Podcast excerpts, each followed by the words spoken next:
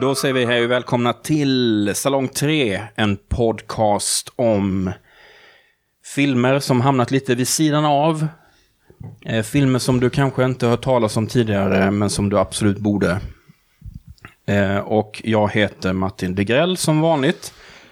Och idag så har jag en gäst, eh, nämligen Isak Hammar. Hej och välkommen. Hej hej! Eh, du är historiker, forskare i historia vid Lunds universitet. Stämmer. Och mycket filmintresserad, inte minst. Det är kanske många av dina gäster. Ja, de flesta. Ja. De flesta. Ehm, vi ska prata om eh, en film som heter Seconds från 1966.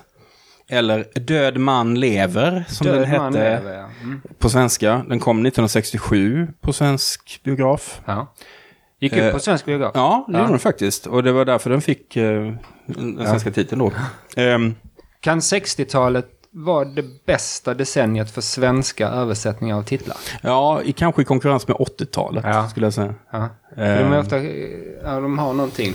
Mm. När man så bara kan låta dem vara. Så, Det finns något... Eh, jag, jag- skulle säga så här att ju tidigare du kommer, alltså 50-60-tal, så har många eh, översatta titlar en lite...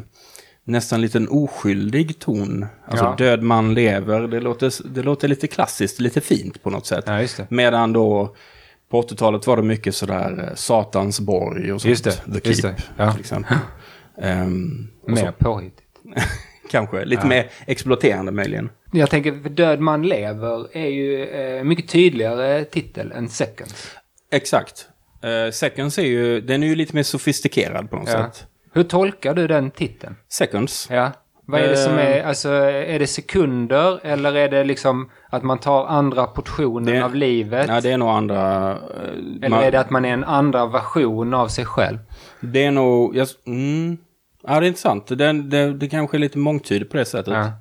Det är hur som helst en amerikansk film då. Hur ska man klassificera den? En science fiction, drama, thriller kanske? Något sånt. Den är ju ganska svår, det kommer vi komma in på. Den Mm. är ju inte helt lätt att placera i ett fack. Precis. Eh, den är hur som helst regisserad av John Frankenheimer. eh, med manus av Louis John Carlino. Och den är baserad också på en roman som då också heter Seconds av David Eli. Den hade premiär i Cannes 1966.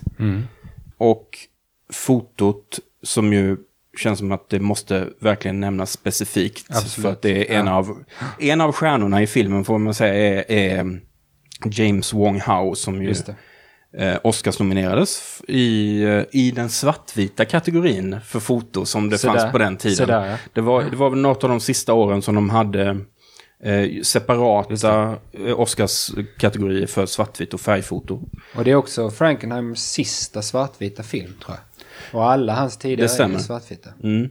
Och, eh, men eh, Howe förlorade mot eh, Haxel Wexler för eh, Who's Afraid of Virginia Woolf Okej. som vann eh, fotot där. Nej men det, det är verkligen en film som, som, som är tydligt präglad av fler än John Frankenheimer. Ja, det får man ju säga. Eh, Jag tänker nu när vi ändå drar upp det, den, är, den har ju ett väldigt, eh, den är väldigt rappt klippt eh, av, av David Newhouse. Så att eh, det, det finns liksom många, det är liksom tekniskt sett så den är liksom präglad väldigt mycket av de tekniska eh, Precis, rollerna också. Och där i, i klippningen tycker jag särskilt eh, kanske tids, eh, alltså att den, att den är gjord och den är gjord. Är, är ganska tydligt känns det som. För att den är, för bitvis är den ju ganska så, eh, den har ett ganska klassiskt berättande men bitvis, och den har ju de här lite så här sp- spektakulära, nästan eh, sekvenserna som eh, går åt eh, nästan så här genre Just exploitation det, just det. film där det är liksom vilda Mm, kameravinklar. väldigt och, experimentell Mm. och till, nog ins- inspirerad av liksom lite art, arthouse. precis. Eh, jag tror Frankenheimer liksom gav eh, ett av de här jobben för att hjälpa James Wong Howe till John Alonso. Som ju sen vann eh, Oscar för bästa foto för Chinatown. Aha, det Så är att, bra eh, knowledge. Så att han hade liksom... Han lite så här, men du kan få vara med här och hjälpa till och hålla handheld liksom. Så Mm. att det var lite så plantskola också. ehm, Frankenheimer är ju ingen um, obskyr regissör Nej. på något vis. Nej.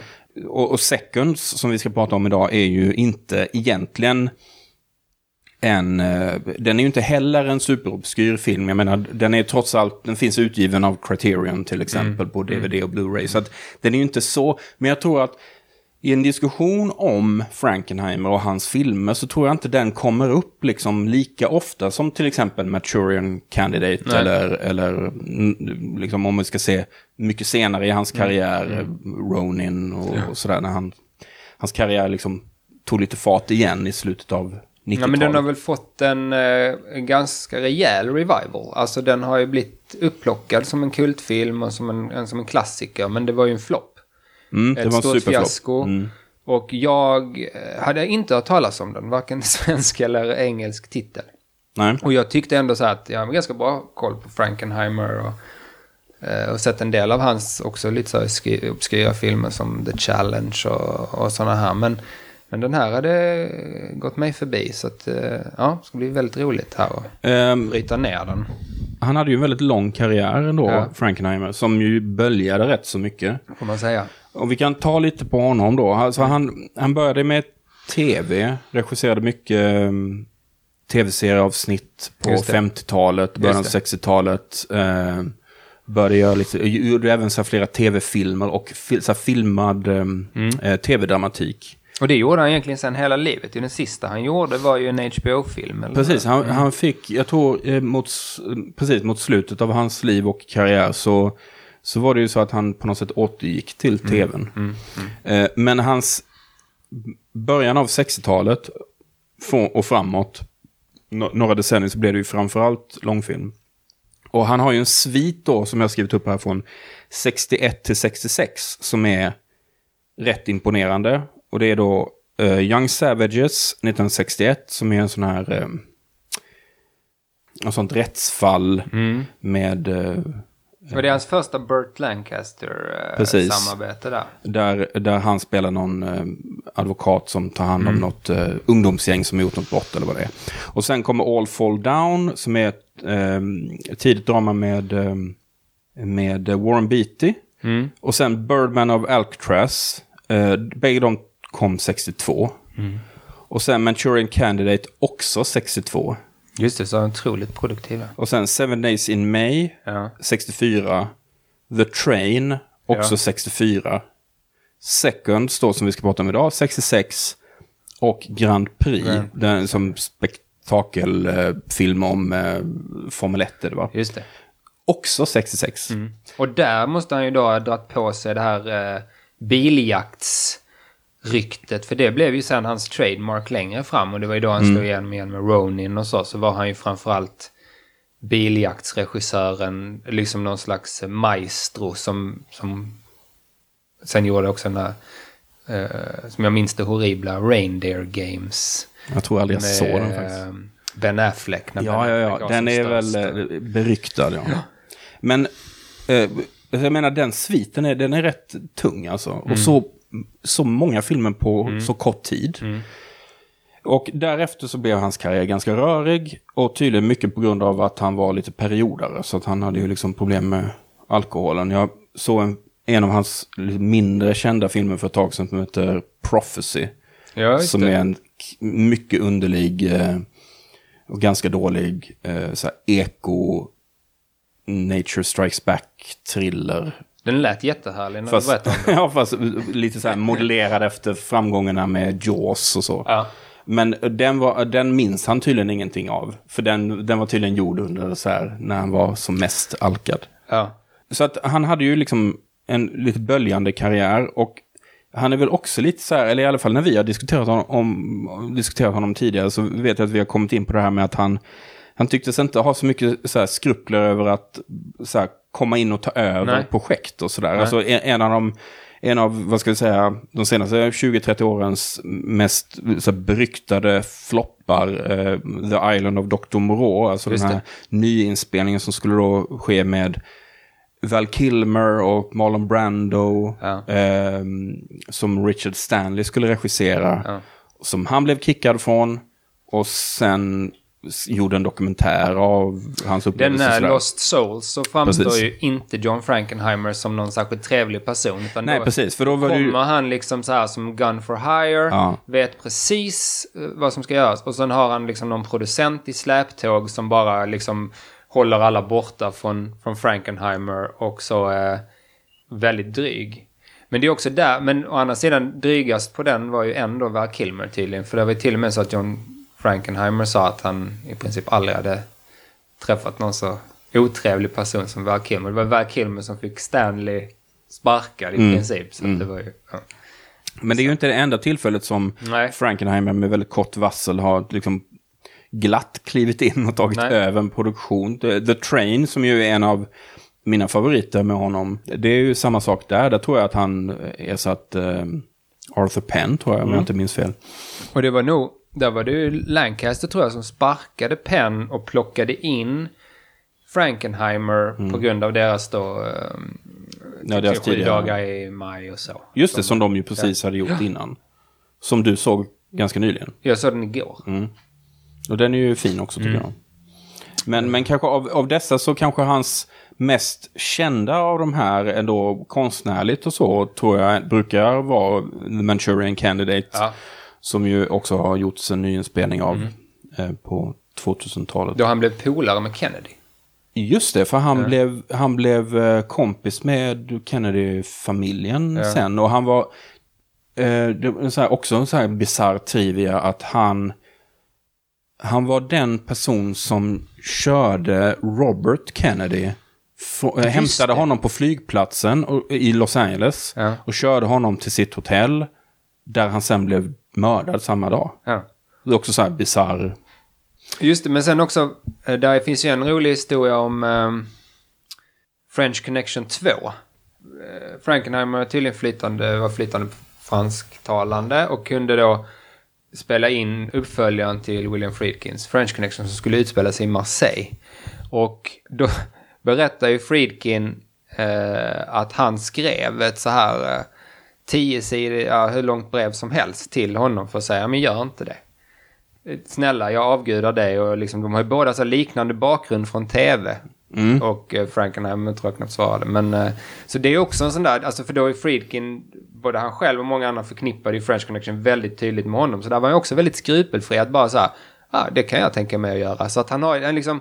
han Inte är så kollegial. Nej, men också så Eller att han, framstår inte särskilt Nej, men också kollegial. intressant för att det, han verkar ju... Tittar man på hans eh, eh, övre så, så, så är det ju...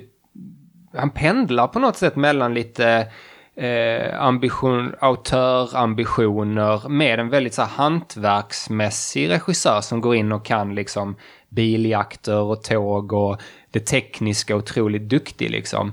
Men, här, vi vet att det här är en pålitlig typ som vi kan bara plocka ja, in. men och... exakt. Det här kommer funka och eh, han hade ju tydligen så här kommit på att eh, när de hade sparkat Arthur Penn för eh, The Train så krävde han ju då att den skulle heta John Frankenheimers The Train för han fattar ju att nu ligger de ju eh, illa till här. Och jag ska ha, dessutom ska jag ha en Ferrari. Så han liksom krävde en Ferrari för att liksom åka till Frankrike. Och att den franska regissören som då, det krävdes tydligen i då kontraktet att det skulle finnas en fransk regissör också. Han fick inte ens vara på inspelningsplatsen. Så att... ja, men det är intressant det där att han ligger liksom för Manchurian Candidate har ju liksom är ju en klassiker som många håller väldigt högt och, och säcken som vi ska prata om idag tycker jag har absolut den typen av ambitioner. Medan då andra känns mer som en enkel thriller eller någonting sånt. Där hantverket det är, är bra liksom. Jag tycker också det finns, eh, det kanske vi också kan komma in på, att Seconds har ju lite, det finns ju lite släktskap eller lite kopplingar till just Manchurian Candidate. Eh, men det kan vi komma in på sen. Ja, de räknas väl som någon slags eh, inofficiell paranoia-trilogi. De, eh, Jag har också läst om det Ja. där, men det, det känns ju som en lite efterkonstruktion. Ja. Tillsammans med Seven Days in May då. Det var någon som skrev något som jag har tänkt på som är ganska träffande. Att, att Frankenheimer under en lång period arbetade liksom med väldigt duktiga människor. Och, och liksom hade möjlighet att göra film med väldigt duktiga skådespelare, duktiga som också James Wong Howe och så här. Det är lite så som man tänker um, Sidney Pollack och vissa andra sådana regissörer. Att det kanske inte alltid är omedelbart att hitta vilken den röda tråden i deras filmskapande är. Förutom att de hela tiden lyckas liksom orkestrera eh, en väldig massa olika talanger på något sätt. Mm.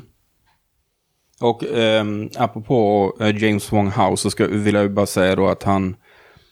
Eh, om, om man känner till honom tidigare så har man ju garanterat sett eh, några av hans filmer tror jag. Om man är lite intresserad av så klassisk Hollywood. Mm.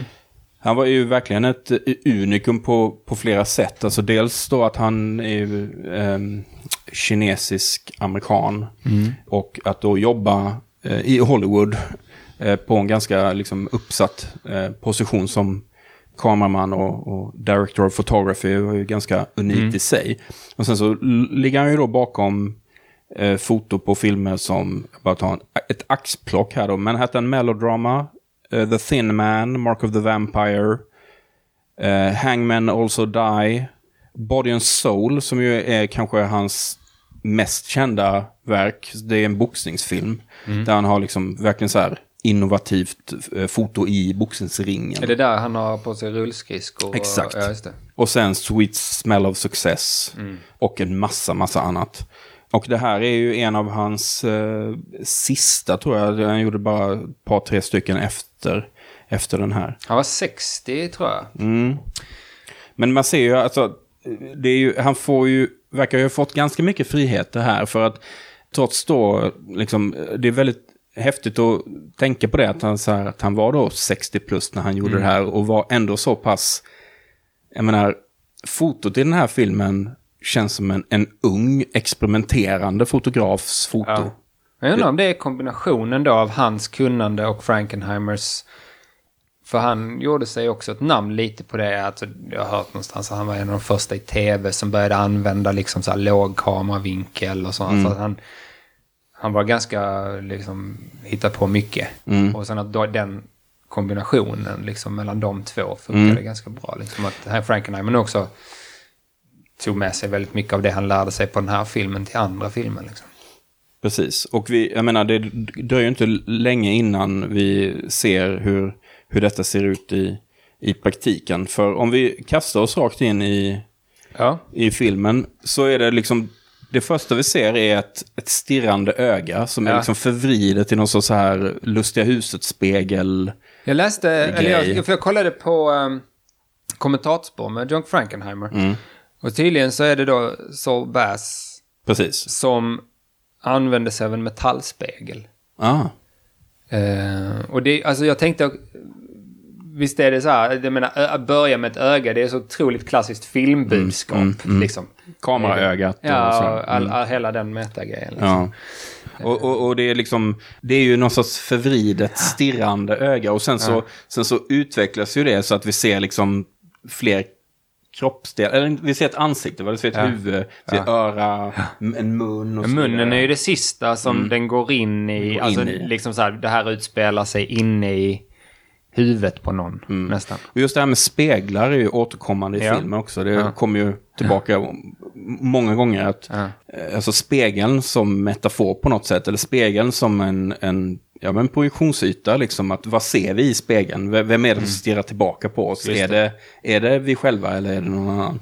Och det, det hela utmynnar i en myllrande scen på Grand Central Station i New York. Och, och redan eh, otroligt tidigt så är, liksom etableras den här det är någonting som är lite off, liksom. Ja. Att det är ganska så vild eh, kamerateknik. Det första är väl nästan att det sitter en rigg på... Ja. Eh, då är det liksom en person som...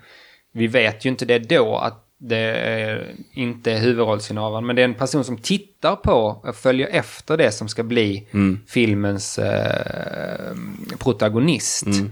Och han har liksom då en, en rigg som gör att eh, när han går så, så ser han väldigt stel ut och så är det liksom det här myllret som fångas. Liksom. Precis, det är en väldigt speciell typ av rigg som ju blev lite populär i början av 2000-talet hos vissa eh, man kan se det fortfarande idag eh, ja. hos vissa eh, filmare. Just, eh, jag tror att de flesta vet vad det är för typ av, om vi förklarar det. Alltså, det är att man, man monterar så en rigg på skådespelaren. Ja. Som gör att, och kameran då filmar, om vi säger bakom axeln på, Ja. på skådespelaren. Så att det ser ut som att skådespelaren är helt stilla medan resten av rummet liksom rör sig Nu är när, när han rör sig. Då. Nu är det flera filmer där man har satt den fram på. Så att Och det gör ser- man ju här också. För man ser, Ja. så, om, om då lyssnarna då tänker sig eh, selfie-höjd ungefär, att, rakt Mm. på, på ansiktet på den som man följer. Och då är det ju en rigg som går liksom ut från liksom Mm. maghöjd ungefär, som den här kameran sitter på. Mm. Eh, det är ju ganska häftigt att göra det då liksom. Så vi fattar ju redan här att det här är liksom en film som kanske inte då kommer berättas på ett supertraditionellt sätt. Eh, åtminstone inte Vilket visuellt. också, den här titelsekvensen har ju redan satt oss i det. Mm. Att liksom det här eh, distorsion, distortion Mm. av, eh, och det liksom flyter och det är speglar och sånt. Och så kommer man ut i det här och så är det direkt full, fullt reglage på liksom, det är fisheye och det är låga vinklar och det är den här riggen. Mm. Och vi ser hur som helst en medelålders man som köper en dagstidning vid en kiosk och går mot sitt tåg. Han iakttas av en annan man och det är den här mannen som har den här konstiga riggen på sig då. Det är ju filmat då i, på Grand Central Station men med väldigt mycket så här dolda kameror och, och gömda kameror och sånt Och ett där. litet trick. Ja, ja, du har också läst om det där. Tydligen så hade ju då eh, de skapat någon sorts så här, eh, distraktion, någon så här diversion. Ja. Genom att någon eh, Playboy. Playboy-modell. Ja, just det. eh, de, de, de arrangerade en det. av någonting. Så att folk skulle titta dit om de nu var tvungna att titta på den. Precis. Eh, och det, ja, det verkar ju funka. Ja. Så, ehm, men den här mannen då som förföljs, han kliver på ett tåg som går mot uh, Upstate New York. Eh, och förföljaren är hack i häl. Och det är liksom, redan här så känns det som att så här, vad är vi på väg här nu? Ja. Är det här en agentfilm? Eller Exakt. liksom någon spionthriller? Kommer den här mannen, är, är vi på väg att få se ett attentat här? Och precis när tågdörren är på väg att stängas och tåget ska gå så hinner den här förföljaren i kapp eh, mannen. Han knackar honom på ryggen, frågar liksom Mr Hamilton. Eh, och precis när vi tror att han kanske ska sticka en kniv i honom eller Ja. skjuta honom eller någonting så ger han honom istället en liten ihopskrynklad lapp. Som vi då inte får se. Som vi inte får se. Nej. Och sen så kliver han av tåget och så går tåget. Och vår, eh, den här Mr Hamilton då, som ju är vår huvudperson, Mm. visade sig. Han sitter kvar på tåget eh, och ser lite förvirrad ut. Han, eh, Svettig och han är s- besvärad. mycket och, besvärad, orolig. Han har stoppat ner liksom lappen i bröstfickan, men han tar upp den igen. Ja. Tittar på den. Han kan liksom inte släppa den. Och där står det bara en adress. Mm. Det står eh, 34 Lafayette Street. Vanlig, vanligaste adressen som finns i USA. Lafayette. Finns i nästan alla amerikanska städer, gör det inte det? Ja, men det här är ju New York då. Ja. Eh, misstänker vi. Och vi vet inte liksom om detta, är det, det här, säger det här honom någonting? Det vet vi inte riktigt, men han ser liksom oro, han ser besvärad ut. Och han, svett, liksom, han svettas ju konstant. Den här eh, John Randolph då, som, som ju då spelar den här mannen. Och John Randolph är ju lite intressant. Han svartlistades med... Han och hans fru svartlistades just i samband med eh, den här kommunistjakten. Det är två, tre till, fyra skådisar till i den här som var svartlistade. Mm. Som Frankenheimer då plockade upp. Precis. Så de, och de, både han och hans fru, Sarah Cunningham, de vägrade uppge namn under de här ökända HUAC-förhören då i mitten av 50-talet. Och tydligen så var Seconds då hans, eh, hans första roll efter svartlistningen då, i alla fall i Hollywood. Så det är ju, eh, det är ju en lite skojig eh, trivia-bit. De klipper ju väldigt intressant här också. Det är, alltså, här är det ju... Det är ju inte så subtilt. Alltså jag tycker väldigt mycket om det, men det är inte så subtilt. Alltså du vet, de klipper så här, liksom bryter lite mot så här eh, 360 graders regeln. Det är fram och tillbaks i, i liksom fönstret som... Och det är liksom väldigt påträngande nära karaktärerna. Så här. Det är verkligen en sån här... Det är inte slightly askew, utan Nej. det är ganska liksom febrigt och eh, mycket liksom lek med kameran. Faktiskt. Absolut. Men Eh, sen när de kommer fram så, Ja. så stabiliseras det Precis, liksom. för sen så är det så att då eh, Mr Hamilton han hoppar av i eh, Scarsdale som är då en sån här klassiskt välmående förstad till New York i Upstate. Ja. Den eh, räknas, eh, har jag kollat upp, eh, liksom hela tiden som en av de mer exklusiva Ja. orterna i hela USA tydligen. Alltså med högst medelinkomst och sådär. Det ser och- väldigt klassisk ut. Alltså Ja. så för en svensk tittare så ser det ut som... Alltså som du sa, välmående och picket, inte picket fences, men det är liksom stora mm, gräsmattor och stora hus Ja. och... Eh, Och det här är också under en tid, det är ju liksom så här Mad Men-tid på Ja. något sätt. Att det är liksom, han har ett fint jobb i stan. Och sen så kommer han hem och hämtas av sin fru i deras här herrgårdsvagn. Eh, och hon är hemmafru liksom.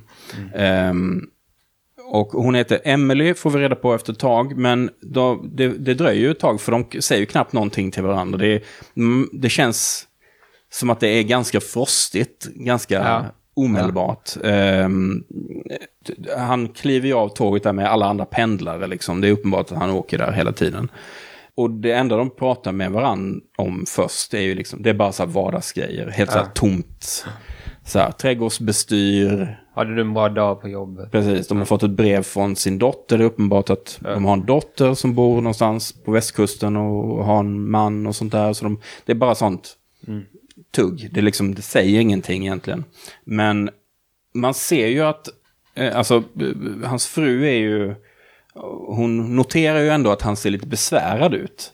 Eh, vi vet ju att, eller vi tänker ju att det är för den här lappen då. Och, men då frågar hon om, liksom, ja, var det, är det, tänker du på det här telefonsamtalet du fick Just det. igår? Vilket han, tydligen har han fått ett telefonsamtal och han bara säger att nej, det var, bara, avfärdar. det var en busringning, det var ingenting. Sådär. Eh, lite barskt. Och det, det, de, det, det är så tydligt att de redan här, att de, de liksom pratar inte med varandra om hur de faktiskt mår och vad som händer inombords. Liksom. Det är väldigt mycket, de håller det, de håller det tätt hos sig själva. Men de bor i ett ganska flott, stort hus. Ja, får man säga. Ehm, och lever nog ett ganska gott liv där, skulle man tro. Men det känns Man kan som säga att de är är... ganska gamla. Ja, ja, det är intressant faktiskt. För att det här är ju en sån grej som jag är- tycker är väldigt skojig att observera. Alltså, eh, John Randolph här är ju 51 Okej. Ja. när när han spelar in den här filmen. Ja. Men vad ska Eh, han spela? tror du? Och vad ska han 60? spela? Men jag, jag vet faktiskt inte. Eh, Rock Hudson som sen dyker upp, han är ju då bara 41.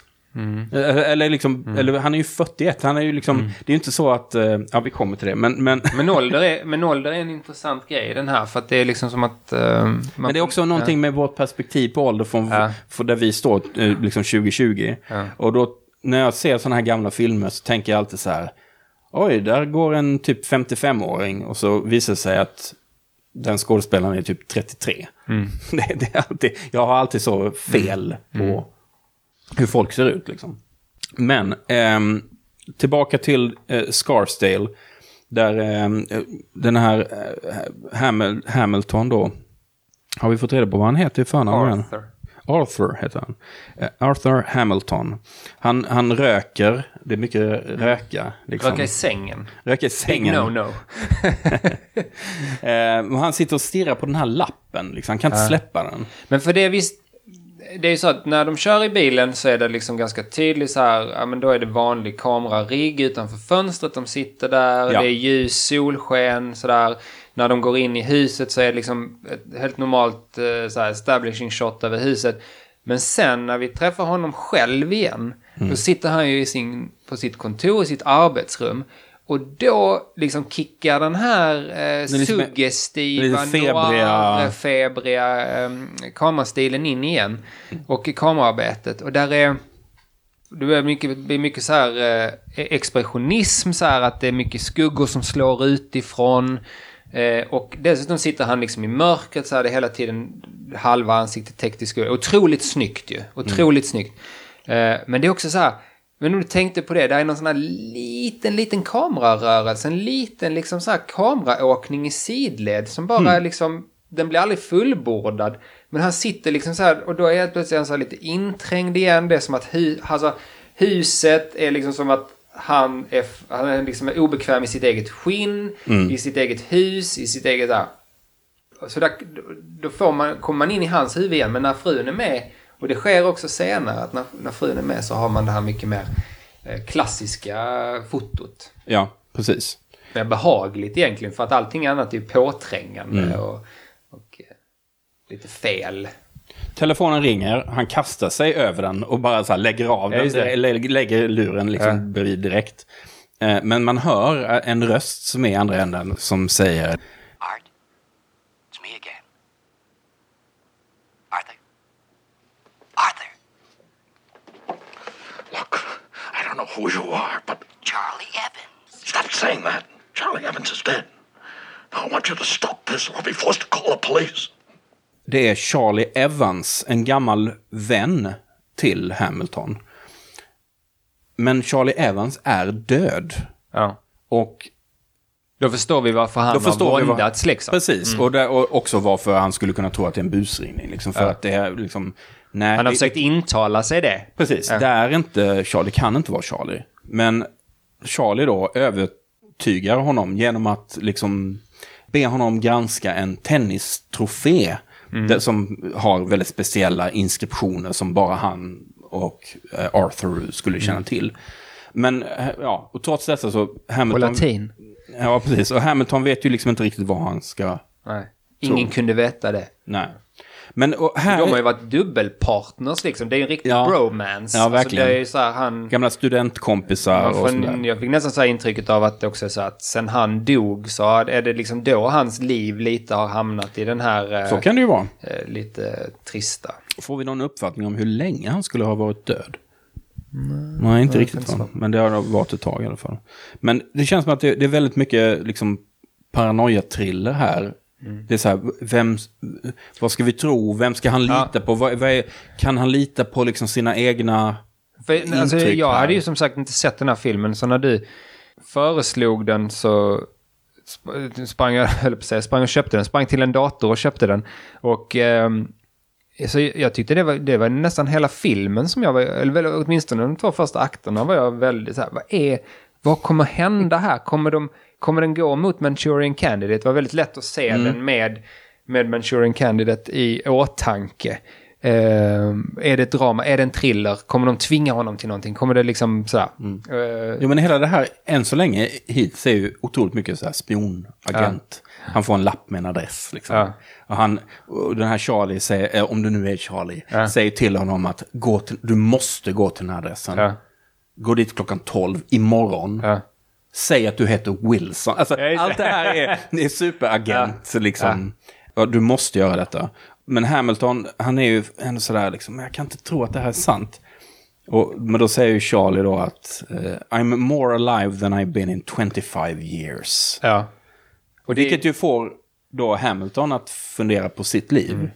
Och det klart, liksom det hakar ju i liksom hela filmens på något sätt grundtematik och huvudbudskap på något sätt. Det här med att vara vid liv.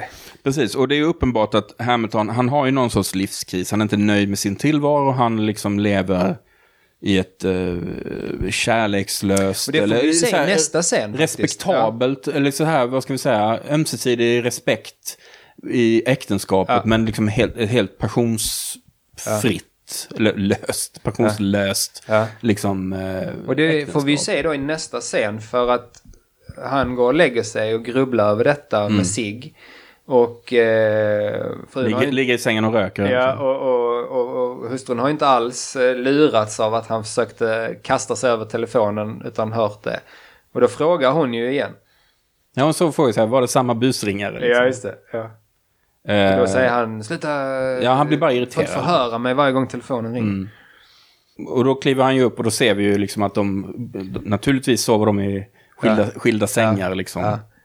Och där är också så här, där slogs jag av, det är en intressant sätt för där, eh, kompositionen där gör att taket får en väldigt stor, en väldigt stor del av bilden. Mm. Ovanligt stor, men oftast brukar man inte försöka få med så mycket tak. Och vilket gör att man, karaktären Det känns trångt, liksom. trångt Ja. liksom. Och det är väldigt sådär expressionistiskt liksom. Vädret utanför speglar hans eh, liksom dunkla sinne och det är liksom Mm. mycket skuggor och sånt som rör sig. Men sen så händer ju, eh, tycker jag, väldigt int- intressant scen när hon gör ett, ett, ett sexuellt närmande. Mm. Eh, Som ju börjar med att ha- hon antyder ju att han kanske har hjärtproblem. Hon, eh, hon säger någonting och så säger han att liksom det är bara the old ticker eller något sånt där. Ja. Alltså så att det skulle kunna vara så att han har och det, kan man ju, det är inte konstigt att tänka sig med tanke på hur mycket han röker och hur mycket han liksom, han verkar ju inte må så fysiskt bra liksom. Och, och hon liksom är bekymrad eh, och liksom eh, går över till hans säng och liksom sitter med honom. Treva... Närmar sig, men, men hennes liksom försök till ömhet och, och sådär. Det besvaras ju inte. Eller Ja, det besvaras ju Det är som bara att han väldigt... försöker men har så mycket ång. Eller jag läser lite som Ja. att han... Han skulle ju liksom på något sätt vilja men, men kan inte Det blir bara fria- stumt, Ja, det blir liksom. så himla stumt liksom. Och hon går tillbaks då. Ja. e- Efter att ha liksom öppnat sig lite så stänger hon igen på något sätt. Ja, det är väldigt, Jag tycker det är fint. Ja, det är fint men sorgligt. Alltså det är en sorglig scen. Oerhört sorgligt. Och det är på något sätt att de bägge två blir så här, nej, nej det finns inget här. Liksom. Nej. det är- ganska, ganska dystert. Ja. Dagen därpå så sitter Hamilton på sitt kontor. Och det är ju ganska flott. Alltså det är, nu förstår man ju att han har ett rätt schysst jobb. Ja. Han är då vice president på en bank. Ja. Och han sitter och dikterar ett eh, brev till sin sekreterare som man gör. Och, det, och det, är, det är rätt roligt om man lyssnar på vad det är han dikterar. Han är väldigt disträ. Han, Ja. sitter ju, och- Ja. han, han sitter, Ja. tittar på sin Rolex då. Och ser att klockan närmar sig 12. Och ska han gå då gå till den här adressen i alla fall. Lafayette. Ja. Så han är väldigt disträ när han dikterar det här brevet och hans tålmodiga liksom, sekreterare sitter där och påminner honom var han befinner sig. Men det här innehållet i brevet är ju verkligen så här, ja och därför kan vi inte bevilja ett lån. Nej. så det är så här typiskt så här vidrig bankir Ja. som... Men det, alltså det är intressant för, för det är ju... Det där har ju liksom hela huvudkaraktären är ju väldigt intressant. Alltså det är ju inte någon... Det är ju en ganska rätt osympatisk person.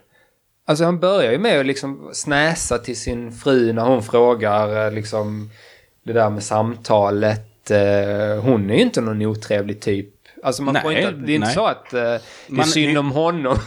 Nej, nej, men det är ju inte så att han, vilket ju tyvärr är en alltför vanlig bild i Ja. framförallt amerikanska filmer där så här, fru, Det är klart han- frugan är en sån nagging bitch. Ja, just det. liksom. Det är klart han måste ta sig ur det här. Han kan ju inte bo med henne. Men tvärtom, hon, det är hon som gör den här ömhets... Mm. Liksom, mot honom. Och det är precis som du säger, där sitter han i liksom på något sätt höjden av otillfredsställande jobb är att neka andra liksom en chans till deras drömmar.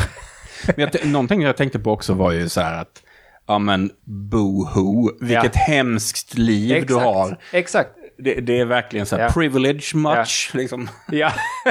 Nej, men jag, det Så var också poor här- white man. Det var så här, vi kommer lite till det med hur det liksom utvecklar sig här, men det var liksom, efter jag sett halva filmen så var jag så här, vad är problemet? Alltså vad är det liksom? vad är det moraliska problemet här liksom på något sätt? Mm, men det vi, vi kommer tillbaka till det. Men eh, han, han tar sig i alla fall till adressen då, eh, 34 Lafayette Street, som ju ligger på södra Manhattan. Eh, ganska nära City Hall. Trivia då, för, för mig, Har du varit där? är att eh, jag gifte mig eh, ungefär ett kvarter Är därifrån. det sant? Nere, precis nere vid City Hall. Så att eh, jag känner dessa kvarter mycket väl. Ja, just det. Ja. Och eh, det visade sig vara ett så pyttelitet hål i väggen tvätteri. Eh, så här, en Också- tvättinrättning. Också en fantastisk scen som, som är egentligen rätt svår att sätta fingret på. Men som man känner att den har man sett i, man, i andra filmer också. Men det, det, det är så snyggt för den, den börjar det är tvätteri. Och så börjar det med en sån här ång... Liksom det, kameran är liksom bland ångan. Så att det, liksom påminner då lite om den här tågstationen, Grand Central Station, där vi varit innan. Där tåget har släppt ur den här ångan. Så det blir någon slags eh, koppling där. Och sen visar det sig att det bara står så här typer, liksom, New York-typer som inte svarar på frågor. Den scenen som jag tror lyssnarna har sett i någon... En massa eh, så barska män i, i linnen. är det här... Som eh, står och ångstryker skjortor och Ja. sånt. Och, eller I typ sitter och ja, syr i eh, knappar och sånt. Ser eh, skeptiska ut. Ser väldigt skeptiska ut. Och eh, flygpapper i taket och en trött fläkt. Och, Just det. och återigen så känner man ju att Det är det här Ja, obehaget. det här är fortfarande en agentfilm. Men det är Ja, fortfarande en agentfilm. Ja. Han kommer dit och han kommer där. Han har kost, liksom kostym och han Ja. har hatt och han känns helt malplacerad. Men han, han kommer ändå dit och frågar liksom... My name is uh, Wilson. I was told to.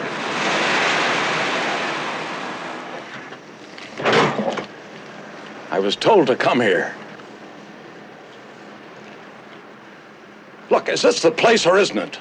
Ja, man ställer en massa frågor till den här man, gamla mannen Jag heter står- Wilson. Och Jag han skulle- bara, han bara glor på honom. Ja. Men först när han, ska, när han vänder på klacken och är Ja. på väg därifrån så säger den här gamla mannen så här, de har flyttat. De är inte här längre.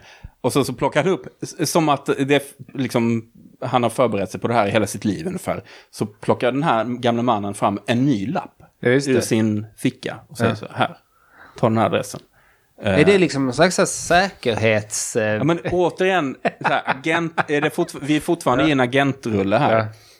Han skickas vidare till en ny adress som vi dock inte får se vilken det är. Men med tanke på var han hamnar så borde det vara i Meatpacking Mm. Just. District. Ja. Som ju är en bit därifrån. Och han hamnar då på ett, ja, så här, ska man säga, slakteri snedstreck meatpacking ställe. Honest Arnie's The Honest used, Arnie. The used Cow Dealer. Som Mm. då enligt kommentatorspåret var ett riktigt ställe. Alltså inte Ja, okej. liksom ett så här påhittat, för det låter ju helt sjukt att Även man har... namnet är så? Ja. Okej. För det, Så för, jag- man förstår ju att det är inspelat eftersom, på ett riktigt ställe eftersom Ja. det är så otroligt mycket så här, Kadaver. kadaver, alltså eh, djurkroppar som hänger i frysrum och sånt. Det är sån slakteri, eh, klassisk eh, frysrum och så. Mm. Och här, metaforen blir ju Ja. eh, tydlig, men det vet Ja. vi ju inte riktigt än. Jag, jag, jag noterade det, metaphor alert. Ja, Liksom. Mm. men även eh, då kläder. Alltså de är i det här eh, kemtvätten i förra. Mm. är ju också lite, alltså där kläder, skinn, var är vi? Liksom att man kan på något sätt byta ut kläder, man kan byta ut sin kropp. Mm. Men det här var ju då ett riktigt företag och eh, Frankenheimer berättar ju då att han aldrig har haft samma inställning till kött sen dess. För att de spelade ju in där då. Och att det var ju, det var ju liksom riktiga kor som hängde där. Och när de var klara med inspelningen så kom Arnie, Honest Arnie, och liksom så här med en låda med steaks som han ju var tvungen att slänga då. Han var inte sugen på, han var höll på att bli vegetarian. på kuppen. Ja. Men eh, Hamilton blir ju i alla fall emot, eh, alltså han blir ju välkommen där. Där är det betydligt mer så här öppna Ja. famnen när han kommer. Eh, han välkomnas av en man i vit rock och hjälm som säger ah, Mr Wilson. Ja, just det. Direkt så här, "Ja, va? Men där är också sådär skränigt och trångt och Mm. obehagligt. Liksom. Och det är på samma sätt är han ju då out of place. Verkligen. Liksom så här. Och han får på sig en jacka där det Ja. står Honest Arnie. Och sen, Och en liten hjälm. ja, och sen in, in... Och sen förbi då en massa så här upphängda så här djurkroppar, kadaver.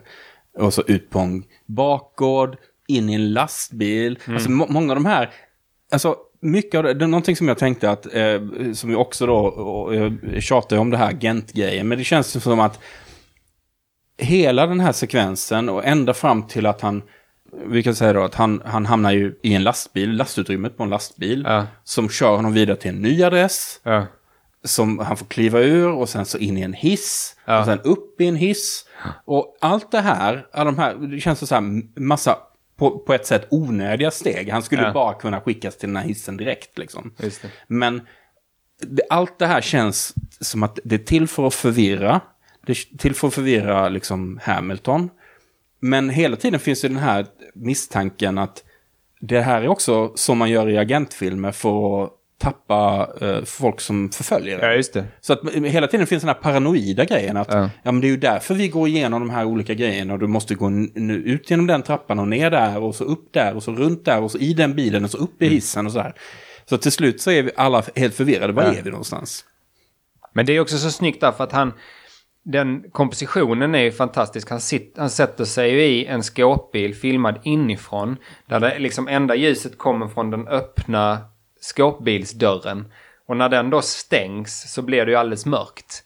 Så där är ju också en sån där, nu är det liksom in i... Det är liksom en dörr som inte... Det är sista dörren på något sätt. För sen kommer han ju då till... Sen kliver han t- eh, till slut av den här hissen då.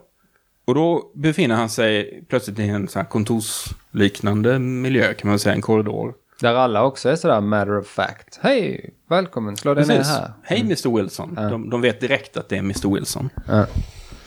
Det, vid det här laget så känns det som att han, han är liksom, nu har han gått igenom så mycket grindar liksom. Så att Ja. nu är han liksom all in, känns det som. Ja. Han hade ingen tvekan. När hon frågar om han vill ha en kopp te och en macka så säger han direkt bara ja visst, absolut. Så nu är han här liksom. Och han slår sig ner inne på något kontor.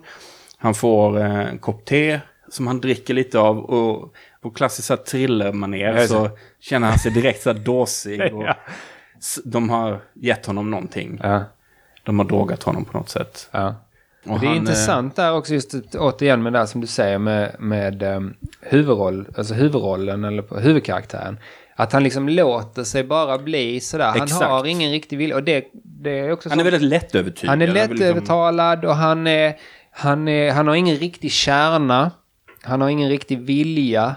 Eh, så att när någon säger gå in och sätt dig så säger han, han liksom så här småprotesterar. Men han varken vill eller vill inte på något sätt. Och det är också intressant för det är ju oftast inte så himla sympatiskt för Mm. en tittare att se en sån karaktär som bara drönar omkring på något sätt. Ja, det är lite svårt just nu att, att tolka det här som, som händer honom nu. Men han, det är precis som han drömmer eller så möjligen Ja. hallucinerar han att han befinner sig i värsta så här Alice i Underlandet, Ja. förvrängt. Och det är så här lustiga huset, Just det. konstiga dimensioner. Liksom Det är som en Ja, mardrömssekvens med liksom där, där liksom återigen det är där det, fullt ser reglage. ut, där det ser ut som att han typ attackerar en ung kvinna som Ja. ligger i en säng. Alltså typ som sexuellt attackerar henne på något sätt. Ja, Och sen vaknar han upp. Ja. Och, och han, det är väldigt oklart hur länge han har varit utslagen. ja. Då får han plötsligt så här kall, kalla fötter, så han tar på sig sin lilla hatt och sen Ja. så försöker han irra ut i korridoren. Nej, nu måste jag hem, jag vill inte Ja. vara här längre. Liksom. Jag har Ja. ångrat mig. Eller ångrat sig, för vad då? Ja. man vet, han vet ju fortfarande inte vad han gör där.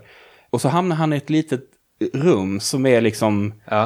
eh, Som vi då inte fattar så mycket av, Nej. men som sen kommer tillbaks i tredje akten. Där Precis. sitter det ju då, eh, alltså det känns som att det sitter ett gäng drönare. Det, sitter som är, det är som ett klassrum, liksom, Ja. där det sitter en massa folk, massa män. Ja. Med, och de sitter och gör, de slår ihjäl tid. Letargiskt lite. Ja, Ja, precis. någon de slår lä ihjäl tid. lägger en patiens, någon tittar på en sån här liten tv, två stycken spelar schack.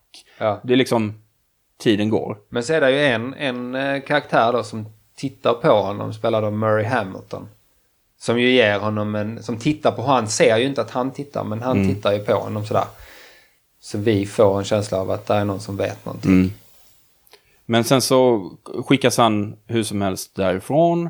Ja. Och tillbaka till det här kontoret där han satt tidigare. Och nu så får han då träffa eh, Mr. Ruby.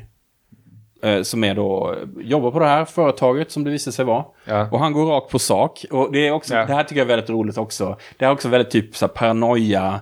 Eh, liksom folk pratar över huvudet på dig. Som att du, du redan har gått med på någonting som du Ja. inte vet. Ja. Så han går rakt på sak och, och säger så här, ja, jag har fått i uppdrag att gå igenom din död med Ja, dig. Så här. Och han, vä- vänta nu. Och så innan säger han han- hinner, ja. hinner reagera så börjar då den här Mr. Ruby och bara, Ja. han bara går på. Ja, och sen Nej, så nej, är det det, där här. kan vi ta sen. Och det Precis. behöver du inte bry dig om. Men det finns stilta... Ja, precis. vi har det är redan standardklausul och... Han ger ju honom så här, han tar ju fram kontraktet och sen när han liksom, eh, John Randolph då, eh, Arthur Hamilton, sträcker fram handen för att titta så tar han liksom tillbaks det, lämnar aldrig över kontraktet och säger nej det är ganska standard, det är standardformuleringarna liksom. Men jag gillar det här med att han, hur lätt de överrumplar Hamilton då.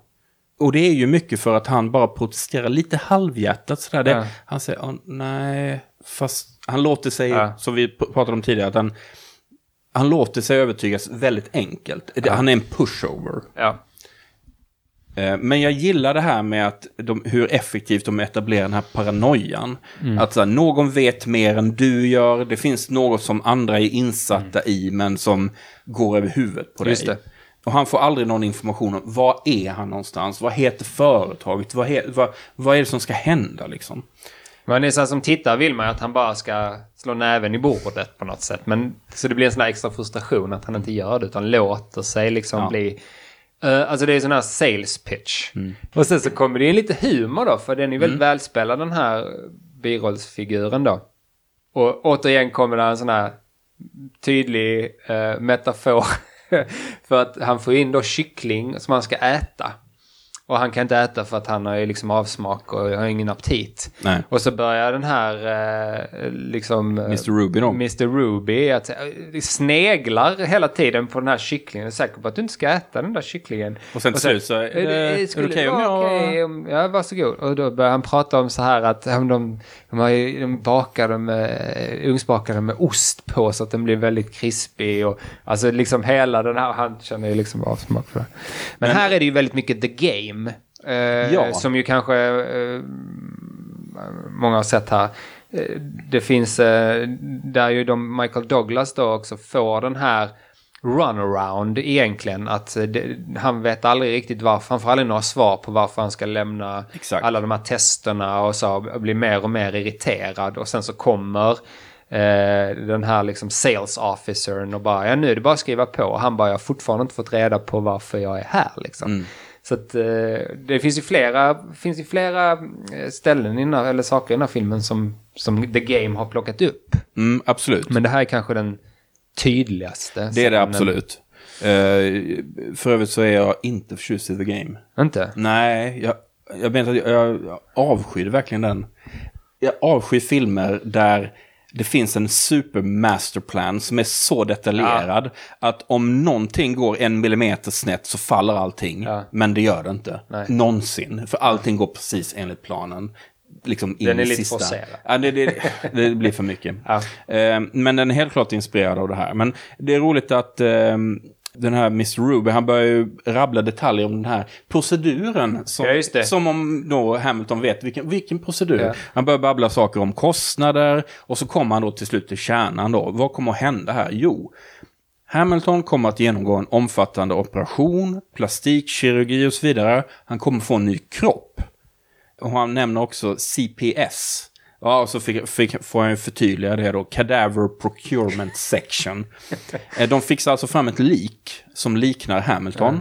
Som kan identifieras som honom vid då det här döds, liksom dödsfallet. Och eh, så diskuterar de också hur det här liket ska, liksom, på vilket sätt ska vi så att säga orkestrera din död.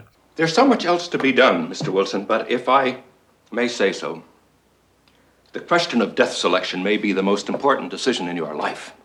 Och sen så kommer några kollegor till Ruby in och de har med sig då ett, ett, lite så här reviderat testamente. Och de ser också ut som sagt klassiska Manchurian Candidate henchmen som kommer in sådana här liksom hantlangare. Och nu är allting väldigt, allting går väldigt fort. Allting är väldigt så eh, railroadat.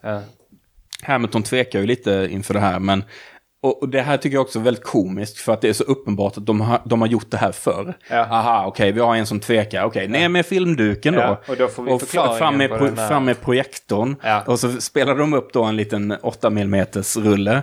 Där vi ser då den här hallucinationssekvensen, drömsekvensen. Där mycket riktigt då Hamilton eh, ser ut att eh, attackera en, en ung kvinna då som ligger på den här sängen.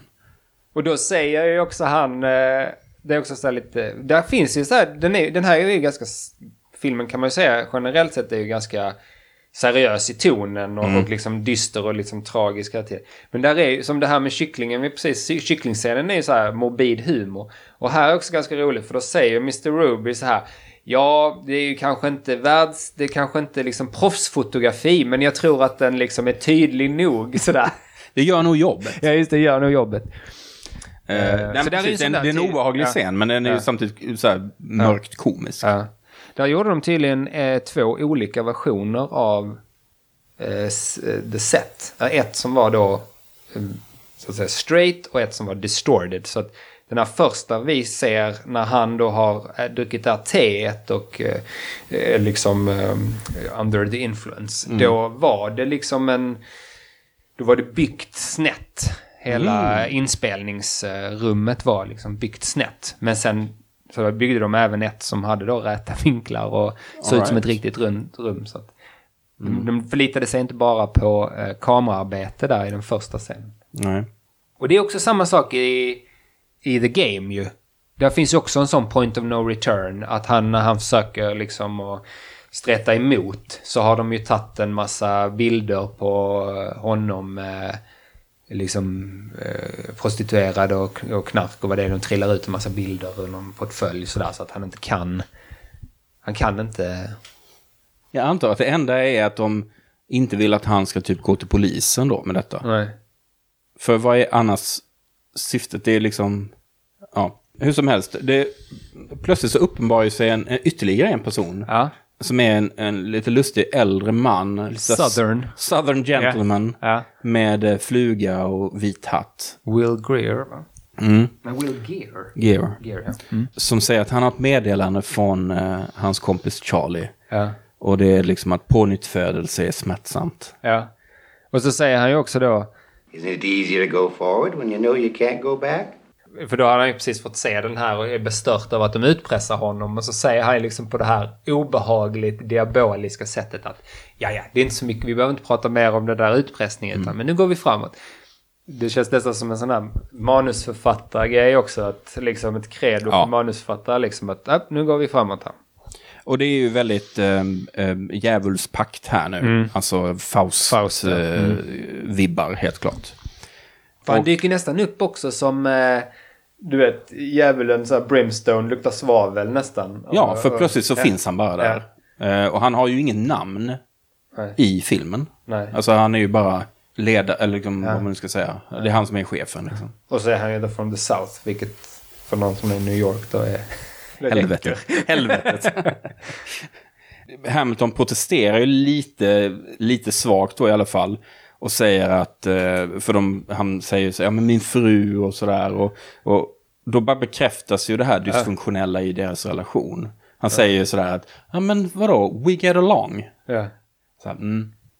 Det lät ju jättebra liksom. Ja. Ja. men vår dotter. Och sen så visar det sig att ja men dottern bor ju inte hemma längre. Och vi har inte så mycket kontakt med henne. Och... Och vad är det då som är kvar? Båten.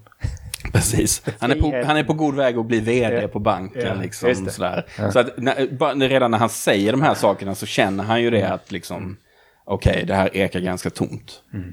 Så han, han märker ju hur han liksom, Men det är ändå en lång scen. Mm. Jag tyckte den var... Det, det, det, den är väldigt uh, utdragen på ett sätt. Han ska, han ska verkligen bli övertalad. ja, jag antar att de gör det för att det inte ska bli för enkelt liksom. Nej. Men eh, alltså, för var, på något sätt blir det ju att för varje argument som Hamilton tar upp mot att göra detta Ja. så underminerar han ju sin egen position på Ja, något sätt. ja. Så han kommer till slut fram till att liksom, okej, mitt liv är tomt och meningslöst. Mm. Och den äldre mannen säger eh, it's time for a change. Ja. Och var på Hamilton skriver under kontraktet. Och sen så kommer det, sen hoppar vi rätt bryskt till liksom operationsbilder. Ja. Som är ganska räliga bitvis. Ja, det är det Eh. Så här, Ja. eh, autentiska eh, operationsbilder, bland så här eh, eh, nose job. eh, Rhinoplasty heter. Ja. Och det finns ju så anekdoter om att kameramännen trillade av, svimmade av detta. Ja, det låter väldigt, eh, jag har också läst det där, det känns väldigt... Eh, Men det var i alla fall känns som en, något som eh, ja. Frankenheimer typ själv har Ja. spritt. Ja. Men det är effektivt och det är obehagligt. Och väldigt så här petar i sår och det är liksom eh, väldigt o, um, rakt på liksom fingrar och då eh, liksom läkare och kirurger som är inne och drar och liksom drar i huden och på olika sätt. Ganska magstarkt måste det ha varit 66. Verkligen. Noted banker dead in hotel room fire skriver New York Herald Tribune om eh, Hamiltons död. Precis som de hade planerat. Och eh, en bandagerad Hamilton som ju nu är, spelas av en, en annan aktör, men vi, vet inte vem än. Eh, men han återhämtar sig, han tittar på en skiss över sitt nya ansikte. Försöker prata, men det går inte. Och han får ju förklarat då att, ja men, vi har ju tagit bort alla dina tänder och dina stämband och Ja. allting sånt. Så du kan inte prata, ta det lite lugnt så kommer det att ordna sig. Och det är ju en ganska bra förklaring till varför då han inte har samma röst längre. Som, Tydligen så hade Frankenheimer då tänkt sig att det skulle vara en och samma skådis Mm. i båda rollerna. Men det var ju då den här nya skådisen som dyker upp nu, Rock Hudson. Vad är det, 40 minuter in i filmen? Eller något Mm. Precis. Som, han dyker upp. Eh, som tyckte att eh, nej, det får vara två. För det är väldigt effektivt. Eftersom också John Randolph är väldigt bra. Mm. det är det. Jag, jag tänkte också på det att eh, om den här filmen hade gjorts idag, och det skulle man ju verkligen kunna tänka sig att den skulle kunna göras idag. Mm. Och det finns ju Ehm, många, vi kommer säkert in på det, det finns ju många omtagningar på den här tematiken. Mm, precis. Eh, jag tror att om den hade gjorts idag i Hollywood så hade samma skådespelare gjort bägge rollerna. ja. Jag tror inte man skulle göra det. Jag tror, jag tror att eh, metodskådespeleriet och så vidare är alldeles för utbrett för att det skulle... Alltså då skulle du... Man, man kan verkligen se någon så här, sätta tänderna i att göra först den här helt ordinära mannen och sen eh, förkroppsliga då sitt nya jag på något sätt. Alltså, jag tror att det skulle ligga väldigt mycket i hur eh, skådespelare ser på skådespeleriet idag. Enda chansen att få en Oscar för en sån här roll är om man gör båda. Ja, jo men verkligen. Till slut så tas ju bandagen eh, bort. Och eh, Och det får man också bara säga, Mm. flika in där, alltså det här med den här bandage-scenen och så, den, den har man ju sett, jag vet inte om det är sen dess, men den är väldigt så här tråpig liksom det här ganska obehagliga eh, bandaget runt hela ansiktet. Ja. Eh, Jag kommer ihåg... man bara ett par ögon som Ja, sticker fram. och det, ja. den är ju med där i, i öppningssekvensen när, precis innan vi kom, liksom när det står John Frankenheimer, står det ju typ i munnen på Mm. en bandagerad. Det är nästan lite så skräckfilm-ikoniskt, Mm. eh, thrillerikon. Eh, jag kommer ihåg när jag var liten, första gången jag såg Åskbollen. Mm. eh, Bondfilmen så är det ju en scen där han är på ett eh, så här eh, rehabiliteringscenter för att undersöka någonting. Och där går det omkring en, en man med en sån här, eh, ja det är som osynlig mannen egentligen. Ser man ju ut. Mm. Jag tycker det var mycket obehagligt när jag var liten. Jag tycker fortfarande det är ganska obehagligt. Det är mumie-association också. Exakt. Men det, Batman, Tim Burtons Batman Ja. kör, gör ju ett stort nummer av det när eh, Jack Nicholson det har blivit eh, opererad Mm. till. Men nu ser vi i alla fall för första gången Rock Hudson. Just det. Eh, Just nu så ser han ju jävligt sliten ut för han har en massa stygn i hela ansiktet. Han ser, Vithårig. ser ut som Frankensteins monster ungefär. Eh, ja, precis. Hans hår måste ju färgas sen då, antar jag. Här, rent metatextuellt, finns det ju massvis med intressant i castingen av Rock Hudson i den här rollen. Ja. Han spelar ju en man här som gömmer något. Som lever ett, ett, ett hemligt liv kan man säga. Och det är ju precis som Rock Hudson, alltså det är nästan övertydligt. Det är precis vad Rock Hudson gjorde själv naturligtvis. Eh, Under hela sin karriär i princip så dolde han sin, sin sexualitet. Ja. Eh, och det var ju först eh, när det stod klart att han höll på att dö av aids på 80-talet som han faktiskt gick ut och sa att han var homosexuell. Och ehm, även precis som många andra Hollywood- Hollywoodstjärnor naturligtvis, särskilt på den tiden som han själv slog igenom, så gick han ju också igenom lite så förvandlingar av olika slag för att bli mer tilltalande och bli Ja. som en stjärna. Alltså i någon sorts så här stöpt i någon sorts hank filmstjärnemall. Fick ett namn som Han fick skulle ett vara namn, lätt att uttala. han, hans agent gav honom liksom namnet Rock Hudson. Han gillade aldrig Tänd, det nya själv. tänder och Allt det där. sham marriage och Ja, hela grejen. precis. va. Så eh, det finns ju väldigt spännande kopplingar mellan karaktären här och Rock Hudson själv. Mm. Du, vad har du liksom, vad har du för, har du någon personligt förhållande till Rock Hudson? Liksom, har du sett, jag har inte sett så mycket Rock Hudson. Han har alltid ett sånt där namn som har varit ikoniskt. Mm. Men, men egentligen inte varit, liksom inte de filmerna jag har sett. Ja, var alltså- otroligt stor liksom. Ja, precis. Och det här är ju, det är ju lustigt för vi nämnde ju tidigare att han är ju, han är ju bara drygt 40 här. Ja. Men det här, han är redan på väg ut liksom. ja. Hans, hans karriär har redan här nått- hjälpte inte honom heller den här filmen. Nej, alltså han har, han har ju redan, bemärkelsen. han har redan liksom nått sin peak på något sätt. Men jag har ju framförallt sett honom i så här melodramer, ehm, alltså Douglas Sirk ehm, eh, filmer och så. Och eh, alltså Magnificent Obsession och sånt.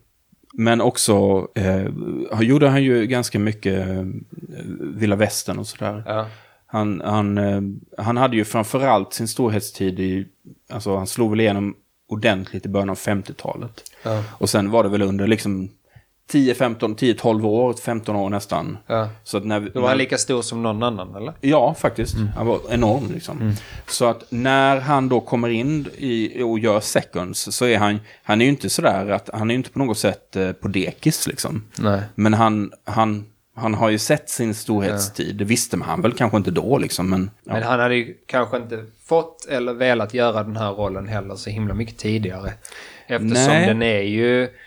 Dels måste den lägga honom varmt om hjärtat, dels är den ju liksom... John Frankenheimer säger ju det på kommentatorspåret till eh, den utgåva jag har, att, eller den här gamla laserdisk eh, som han gjorde 97. Att de som ville se en Rock Hudson-film, de ville inte se den här filmen. Nej. Och de som ville se en sån här film, som Seconds är, de ville inte se Rock Hudson i den. Så det var ju liksom hans tolkning av varför den, eller delvis varför den floppade. Mm. Ehm, och det kan säkert ligga någonting i det när någon har varit så förknippad med en viss typ av... Nu är det ju därför mång, den har fått en kultstatus och det...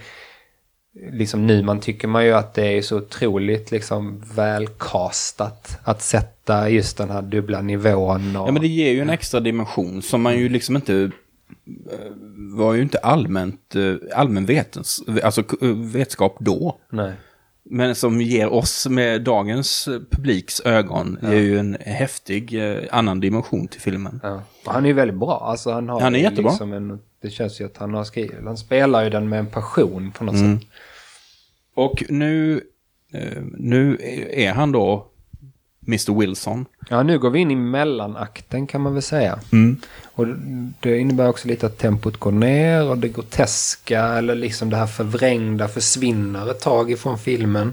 Precis, och det är inte lika så här späckat med information. Det är, liksom, det är lite mer kontemplativt eftersom han på något sätt försöker hitta in i den här nya rollen, eller nya identiteten.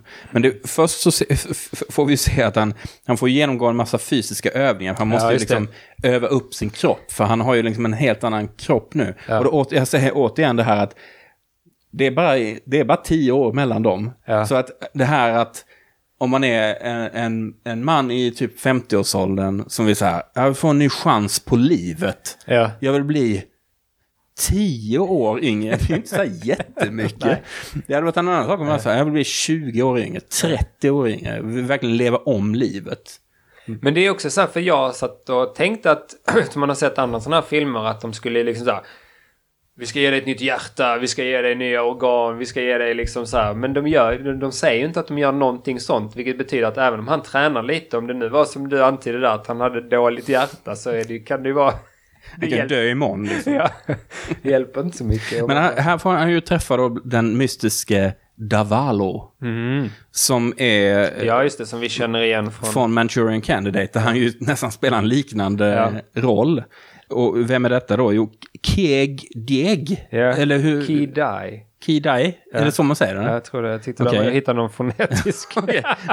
Men, men han, han spelar ju här, vad ska man kalla honom, en slags karriärvägledare för eh, så här reborns. Med liksom en, en liksom tung dos Freud psykoanalys. Ja, de har ju det, det visar ju sig då att de har eh, när de sövde honom, precis som också i The Game då, så passade de ju på att göra en massa tester och intervjua honom för att se vad han, hans innersta drömmar var. Vilket ju, när man är hypnotiserad eller på något sätt annat, då, då avslöjar man det. Och, och det, här, det här tyckte jag var väldigt intressant, för det säger ju någonting om den här tidens oerhört starka tro på psykoanalys och, Ja, ja.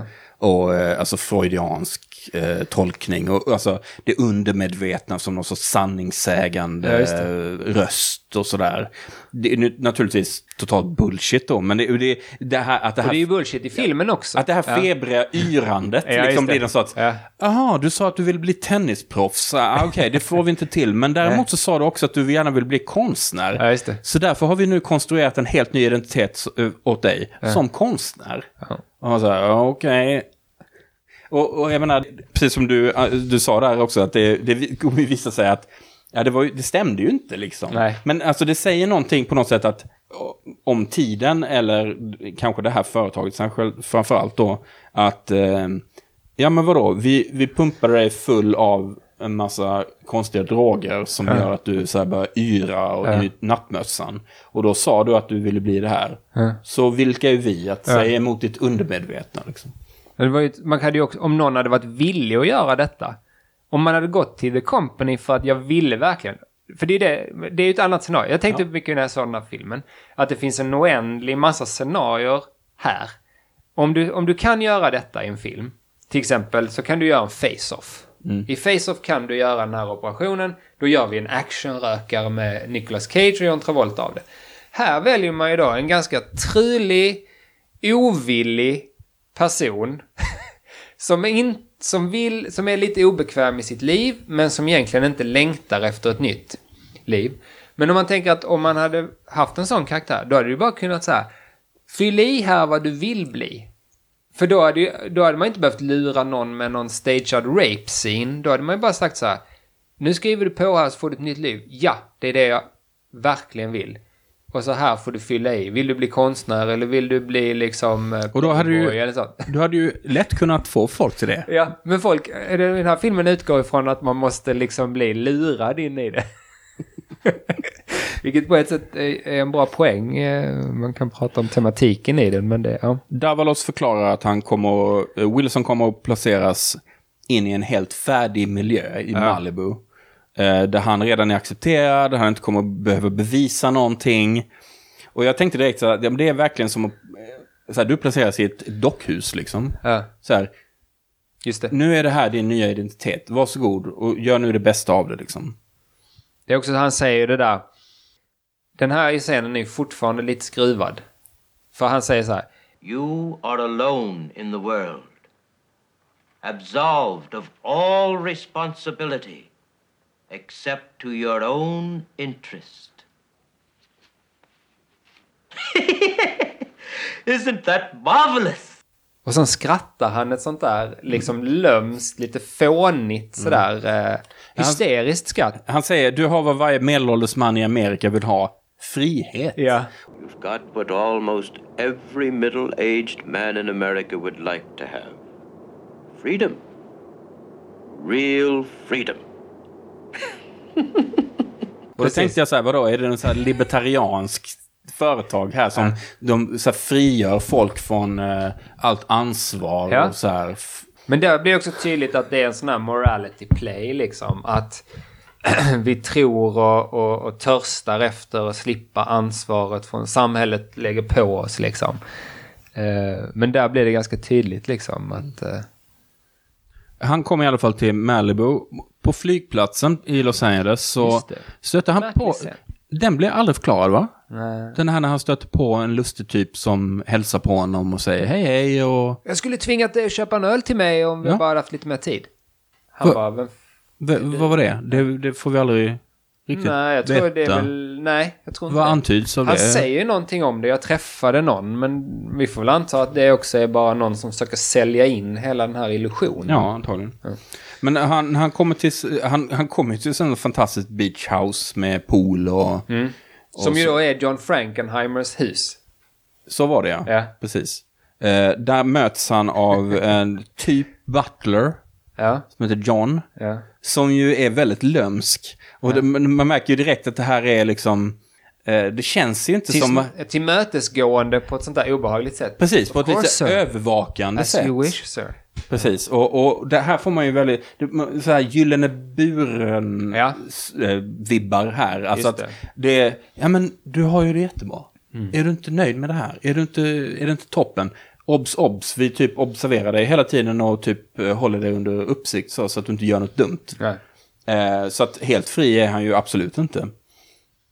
Och någonting som slog mig också, vad kostar allt detta? Nej, jag vet. Det var en otroligt stor operation. Ja. Det är ju så, precis som i The Game då, att det är liksom... Det är så overkligt stora kostnader. 300 så mycket personer anställda under tre månader. heltidsanställda liksom, och de, det här huset och, Ja. och allting måste funka och det måste liksom så här enorm operation. Och så många människor måste hålla Och sen ska han ju också, och- eftersom han då bara är konstnär, så ska han ju leva resten av livet. För de förväntar sig Ja. inte att han ska sälja några tavlor liksom. Nej, nej, precis. Han ska ju Nej. inte ha den här inkomsten. Nej. Så han ska ju bara... Och, och, Dricka- dricka skick- martinis precis, varje Och det dag. kommer skickas ny konst som han kan låtsas att Ja, det är han så som det har är gjort. någon som ska ha betalt.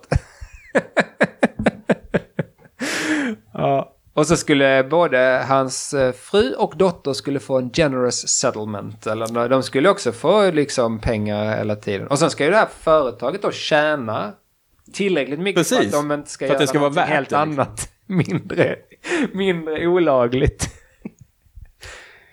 John, eh, eller så här kan vi ju säga då att han, ehm, eh, Wilson, numera Wilson, han börjar... Antiochus Tony. Antiochus. Vad är det för namn? Ja men det är så Antioch... Alltså det är också en sån här latin... Eller Ja. en eh, antik referens. Ja. Märkligt. Eh, han, han börjar ju måla då. Han börjar ge sig på konsten. Han är ju ganska dålig. Han tycker han, inte han att det är så kul. Han är, tycker inte det är så kul. Han har inte så mycket begåvning. Eh, han tar strandpromenader. Han känns ganska... En, känns lite som att han har typ husarrest eller någonting. Han är helt ensam, tar strandpromenader, det är tråkigt.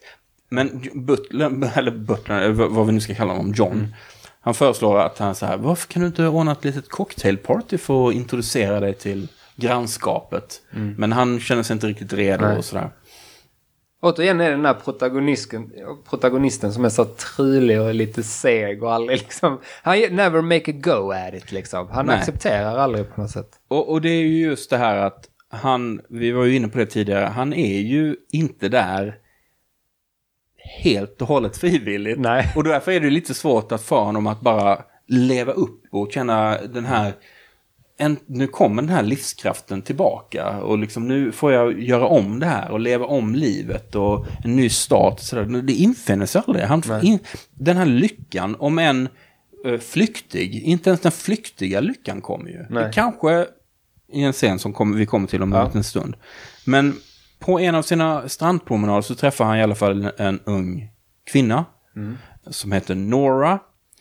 Hon är dock full av energi och liv och härligt och sådär. Superkontrast då med Wilson som ju... Mm. Här är det väldigt tydligt att i huvudet känns han fortfarande så här gammal och, Mm. och lite så här sur. Och han har inte riktigt... Han är inte tillfreds med sin nya tillvaro alls. Och jag gillar det att han tittar på den här Nora med viss avsmak när hon liksom så här springer ut i, i vattnet Ja, och lovprisar havet. Ja. Och, Hon gör en sån liten... Det blir väldigt apart på något sätt. Så springer hon tillbaka så. Mm. Till honom. Och sen så berättar hon, det, det går ganska snabbt det här, för plötsligt hon hon börjar berätta om sitt liv, väldigt öppenhjärtigt. Hur hon var tvåbarnsmamma, framgångsrik man, fint hus med mikrovågsugn. Och sen, men en vacker dag så bara lämnar hon allt bakom sig, går inte in på varför. Och sen så är det lite kul, kul för att hon börjar analysera Wilson utan, utifrån hans ansikte som ju är helt Ja. fabricerat liksom. Ja. Och så hon är lite så här, eh, lite så här proto-hippie-dippie. Eh, och han tycker väl att det är sådär, ja. Han är square. Han är väldigt square. Ja.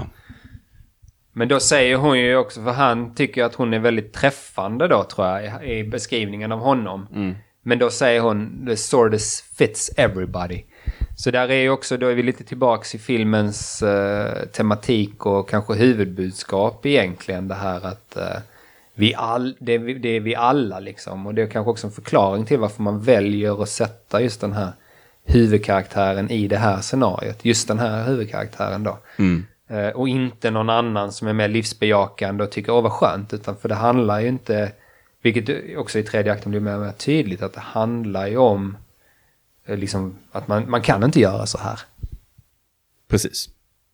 Eh, Wilson vill ju träffa Nora igen. Och han bjuder väl mer eller mindre in sig själv där till en grej som hon ska på i Santa Barbara. Hon säger att hon ska på någon festival i just Santa. Barbara. Och han bara så här, "Ja, men då, jag kan hänga med liksom. Och det visar sig ju vara en superdekadent typ vinfestival. Bakanal, en Mm, bakanal. Med massa hippies, typ massa så här Ja. medeltidslajvare och andra. Eller renässanslajvare ser de Ja. ut som. Ja. Och de, det är mycket snack om Pan och Bacchus och Ja. mycket folk som ligger ner på marken och så står folk och, ovanför dem och, eller över dem och häller, Häller vin. häller vin i dem och sånt där. Och det dricks en massa, det trampas i tunnor, det hånglas och det näckas. Ja. Och eh, Wilson ser ju superbesvärad ut under hela den här sekvensen, vilket är väldigt roligt. Han ser super så här, Ja. "Äh, vad, vad, vad, vad händer här egentligen? Och Och sen så börjar ju Nora ta av sig kläderna och hoppa in. De har en jättestor tunna liksom Ja. med en massa vindruvor som alla står och trampar i och de ska vara näck och sånt. Men sen så övermannas ju Wilson av de, de här eh, härliga galna typerna som eh, tar av honom kläderna och kastar ner honom i tunnan. Och då blir det liksom förlösande att han börjar skratta sig nästan hysteriskt och liksom verkligen njuter av den här... eh, Och vad ska vi tro om det då? Tror vi att han verkligen gör det? Eller tror, tror, du, tro- tror du på den förlösningen? Eller tror du liksom, vad Det är händer svårt med att honom säga därför att som vi kommer nästa scen, sen är det bara nästan någon scen till i mellanakten. Mm. Så det är lite svårt att veta om den blir så förlösande för nästa scen då, också en ganska speciell scen som vi kommer till. Men den här eh, Bacchus-scenen är ju, den är ju på ett sätt ganska apart. Eller jag slogs av det första gången jag såg den i alla fall. Och eh, poängen med den är ju att knuffa honom? Mm, eh, som the square in i Ja. liksom detta. Och det här är ju då tydligen en ceremoni eller en fest som förekom i Kalifornien. Som Frankenheimer, ett konsortes, fick nys om och spelade in med. Alltså, eh, som jag förstår det, de som deltog i den här Okej. fick lov att vara med. Så att Frankenheimer, eh, Wong Hao vägrade liksom, han var så proper gentleman. Så att, eh, men eh, så Frankenheimer hoppade in i den här tunnan liksom och eh, spelade in med de här. Och de gjorde den då väldigt, eh, väldigt mycket naket. För den här tiden är det ju så, fanns ju inte en chans att de skulle få Ja, det, med allt det som finns i den, de nyare utgåvorna. Utan den nej, precis. ner. Ja. Jag har förstått att den, för det är ju, jag är förvånad över hur, hur väldigt mycket naket det var. Ja, och ganska För den- länge. Precis, och, och sen så läste jag ju då att den var ju inte med hela den sekvensen eh, från början. Men, Utan de hade gjort tydligen så här att de skulle ha liksom så vinrankor som någon... Som täckte costume- strategiskt. Ja, sånt Ja. costume department hade liksom tillverkat då. Men det var också någon som sa att anledningen till att den känns lite så här apart om man ser den är väl liksom att Frankenheimer och de är lite så här squares de också som försöker lite som lite så här det här är hippies, så här går det till 66 liksom. Och eh, den, den vibben får man ju lite. Och dessutom skulle då Rock Hudson också ha tyckt att det var otroligt obehagligt. Så att när han då, uh, Antiochus, eh, inte... eh, verkligen, han bara så sa Frankenheimer, det där är inte skådespeleri utan han ville verkligen inte... eh, men det är en jättelång sekvens i alla fall. Alltså lite omotiverat lång. Men det kanske är i den här mycket handhållen kamera, Ja. låga vinklar, in och ut, så här, dansa runt. Mycket så här eh, hallucinations... Eh, filmad liksom. Och sen hoppar vi raskt till eh, ett cocktailparty som då liksom Wilson... The other half. Ja. Och de... Eh, En annan typ av dekadans. ja. Eh, som Wilson då har eh, till slut slappnat av lite grann och Efter detta. Så det är ju lite Ja. den breakthroughen han får. Precis. Att efter det vågar han bjuda. Precis, och bjudit in grannskapet då. Och han blir ju eh, så här, otroligt oansvarigt full. Ja. Och eh, raglar omkring bland alla dessa tämligen eh, rekorderliga människor Ja. som han ju inte känner överhuvudtaget. Han, får ju, så här, han blir ju introducerad till jättemycket folk som Ja. han säger, ja det, ja det är du som har den här festen. Så att, och här är det ju också intressant för att Nora säger till honom då så här, men uh, hörni, ta det lite lugnt med spriten. Och jag tänker så, vänta nu, nu låter de som Ja. ett så strävsamt par liksom. Som att, liksom hur lång tid Det är ganska hade... förljuget av henne att när hon är liksom i den här trygga Bacchus-scenen. Då är hon liksom så här, "Ja, men kom igen nu din square, nu får du ta av dig alla kläderna och hoppa runt i den här vintunnan. Men sen är hon tillbaka och säger så, drick nu inte fler martinis. Tänk nu på, Ja. liksom. Och, och nu låter det som att de har varit ihop i tio år eller någonting. För Ja. nu är de så här, nu är hon liksom så här the nag. Ja. Som är på honom och liksom, Hon blir skitförbannad. ta, ta nu, uppför dig här nu och så. Och då, då tänker jag så här, men hur lång tid har det egentligen gått här? Det får vi reda på efter ett tag, men inte just nu. Nej. Och, Men för det är ju så att där var ju tydligen också då Rock Hudson full på riktigt. aha, Eh, och eh, raglade omkring där liksom. Och han, eh, det som händer är ju att han då börjar ju prata bredvid mun. Han börjar ju avslöja att han, eh, att, den här, att han har gått på Harvard är det ju. Han börjar sjunga Harvards Precis. eh, kampsång och sånt där. Och, och alla andra reagerar, nästan alla andra reagerar väldigt eh, fientligt mot honom. Jo, precis. Han, han, han börjar ju liksom avslöja sig lite grann. Det blir en allt mer olustig stämning. Eh, och nästan hotfull stämning. Det, blir, det är uppenbart att det är ett, ett litet gäng som är, liksom gaddar sig ihop. Och till slut övermannar honom och liksom brottar ner honom där på en säng. Ja. Och han liksom fattar inte vad det är som, håller, vad som händer. Och eh, till slut så säger den här John då att liksom alla de andra där, de är också reborns. Reborns. Som de kallar det. Eh, och det får ju Wilson att bryta ihop totalt. Och sen är det liksom, eh, nästa scen eh, så är det ju en, då ringer telefonen. Då, det måste vara typ samma natt eller någonting för att han ligger, han är så här helt i kris. Eh, han ser typ fortfarande full ut, eventuellt bakis eller någonting. Men eh, telefonen ringer och det är den här Och då Charlie. kastar han sig över Ja, telefonen. Tänkte du på det? Han kastar sig över telefonen. Vi ser rätt, man tänker på det. Mm. Han kommer liksom ur bild över telefonen och svarar. Och det, och det är Charlie som ringer och varnar honom. Och säger liksom, förstår du inte att det är väldigt allvarligt att bete, att bete dig som du håller på? Och Nora är också eh, employee of the company. Precis, Charlie avslöjar att Nora jobbar för företaget. Och antagligen är placerad i Malibu för att, för att bli ihop med Wilson. Och att hålla koll på honom. Vilket ju är deppigt för Wilson att höra naturligtvis. Och Charlie är väldigt vag. Han säger liksom så här, we are so close. Vi, vi, du, du måste hålla ut nu och ta det lugnt liksom. För att vi, vi har ju liksom, vi har så nära. Men han säger liksom, det är typiskt vagt, typiskt filmsätt. Sådär att han, han säger naturligtvis inte, ja, men på vilket sätt är vi ihopkopplade här liksom. Eh, men han säger bara så här, stanna kvar i huset, stanna kvar i huset. Men Wilson lyssnar inte, han, han drar.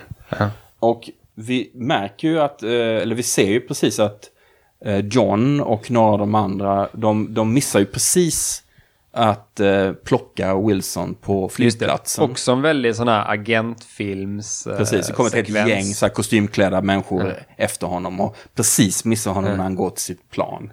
Eh, och det visar sig att eh, Wilson beger sig, han flyger tillbaka till New York, uh, beger sig till sitt gamla hem och besöker då eh, Mrs Hamilton. Sin Och- gamla fru då.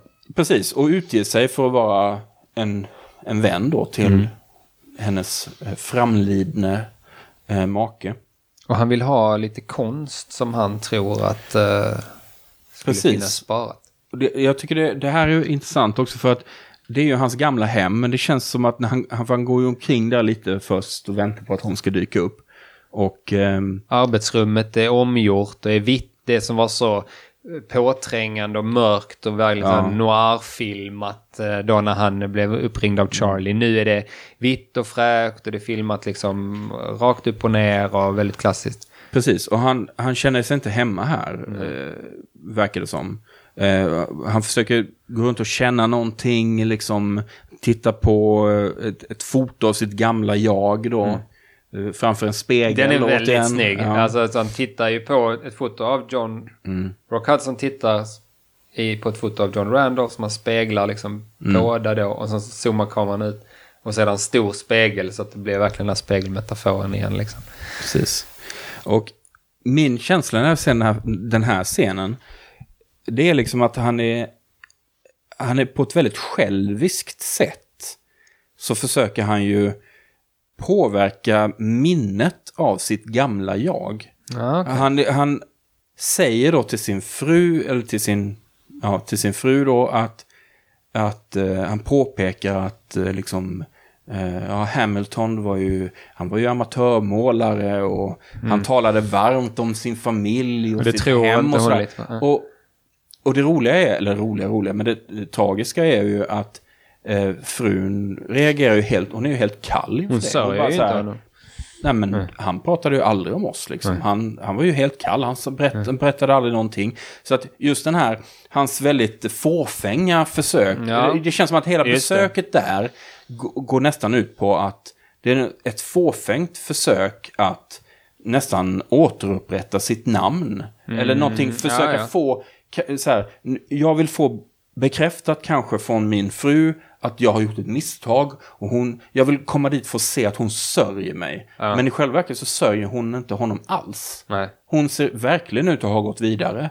Och liksom tyckte liksom, ja det var väl tråkigt det som hände men... Hon säger ju det som också en sån här bra replik på något sätt att eh, han var död långt innan de Precis. hittade honom i det här hotellrummet. Ja. Och, och det är också viktigt att han hade aldrig några drömmar. För han pratar ju lite om din, då, din mans drömmar. Eller Ja. hans egna drömmar då. Ja men han hade aldrig några drömmar. Och det där, ja, jag tror att det är, det är intressant att se den på det sättet som du beskriver. Jag tänker också att det handlar väldigt mycket om det där att han, han kan inte gå vidare med ett nytt liv förrän han har tagit reda på vad som var fel med det gamla. Så att han liksom, man kommer inte undan det förflutna. Han måste tillbaks. Han är ingen utan det förflutna. Och det känns som filmens kanske huvudpoäng på något sätt. Att anledningen till att det här inte funkade för honom var att man, man är ingen utan sitt, sitt gamla, sina, si- alla sina misstag och sådär. Mm. Och att det är det han är liksom ute efter att hon ska förklara för honom. Varför lyckades jag inte första gången? För jag håller på att misslyckas andra gången. Jo, Mm. så kan det ju vara naturligtvis. Han vill ju liksom, eh, och det kommer ju fram då uttryckligen för att när han går därifrån så plockas han upp av John som ju Mm. har följt, följt efter honom. Eh, och han sätter... Och då har han fått den där deppiga tennistrofén Ja. som stod, eh, som han hade hittat. Det var det enda som fanns kvar Ja, för det fanns inga tavlor, för hon hade slängt Mm. allt. Så åker han med den i famnen. Och så säger han till John att så här, jag vill inte tillbaka till Malibu, jag vill tillbaka till företaget, jag vill börja om på nytt. Ja, visst, säger John. Det går säkert bra. Det går säkert jättebra.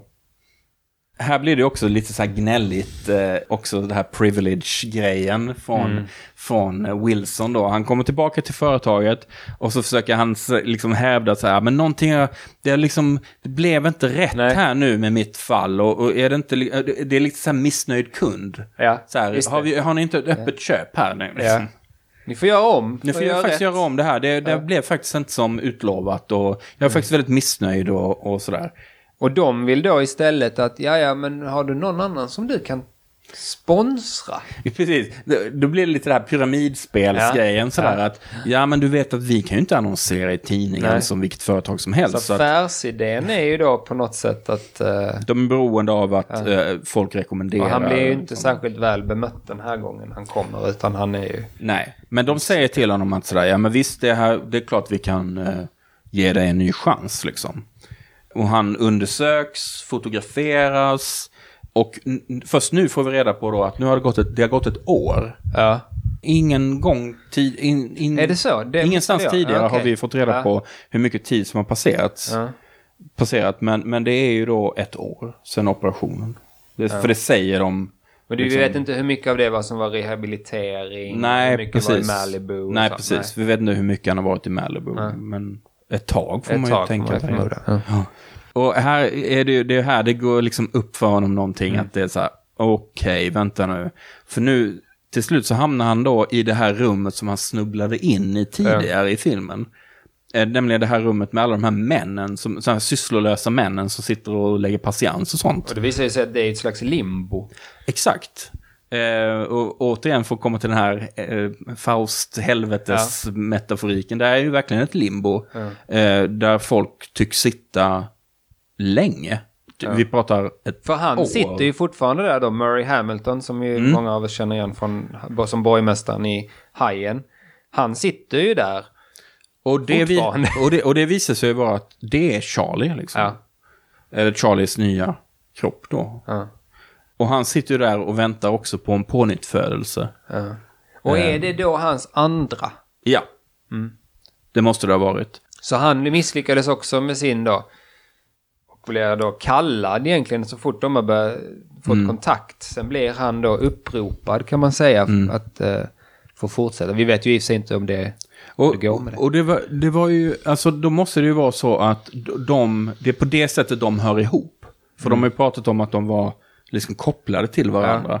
Och det måste ju vara för att Charlie har ju rekommenderat. Exakt. Så det är det som visar sig också vara så diaboliskt då. Att Charlie har ju, är ju för att rädda sitt eget skinn, eller få ett nytt skinn, som han övertalar Wilson. Det är ju egentligen inte av vänlighet eller för att han bryr sig om hans existens. Exakt.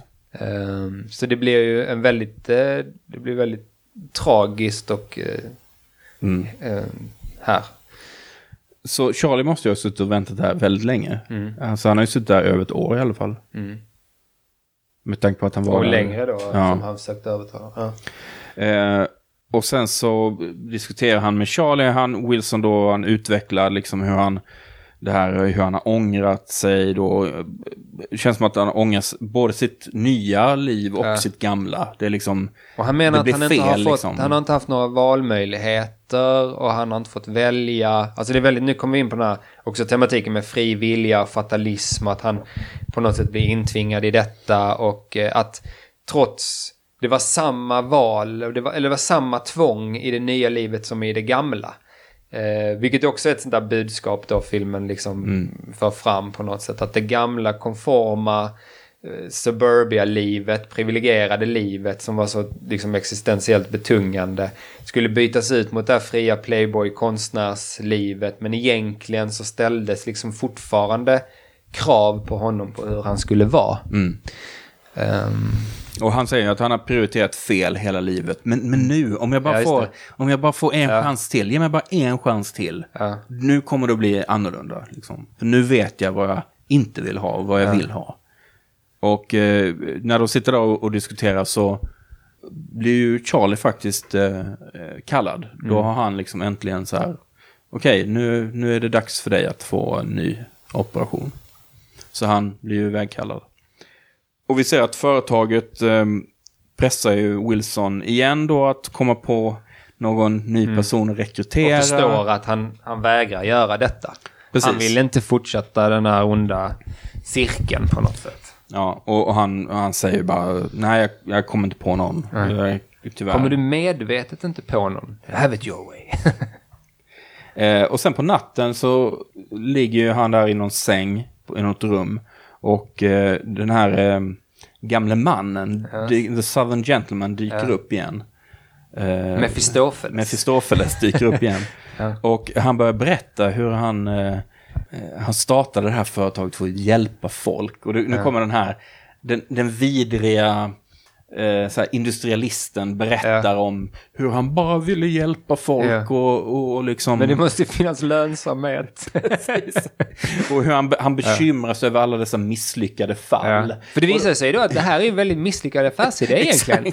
Eh, för att det är väldigt få som... De flesta reborns lyckas Ja. aldrig. Nej. Vilket är ju... Men, då, men nu har han ju då insett att han har ju anställt jättemånga människor som... Jag, jag tänkte på det. Kapitalismen måste liksom fortsätta. Too det, big här, to fail. det är verkligen så. Ja. Han snackar om klienterna som, som kuggar i ett finanshjul Ja. som måste, liksom måste, Ja. måste snurra. Ja. Det är inte människor liksom. Nej.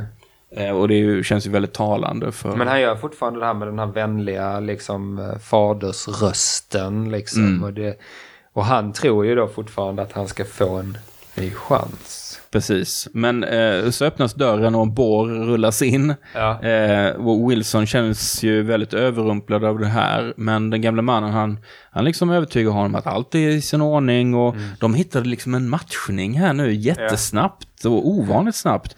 Och nu är det redan dags för operation. Och, och Wilson då totalt fattar inte alls än så länge vad som händer.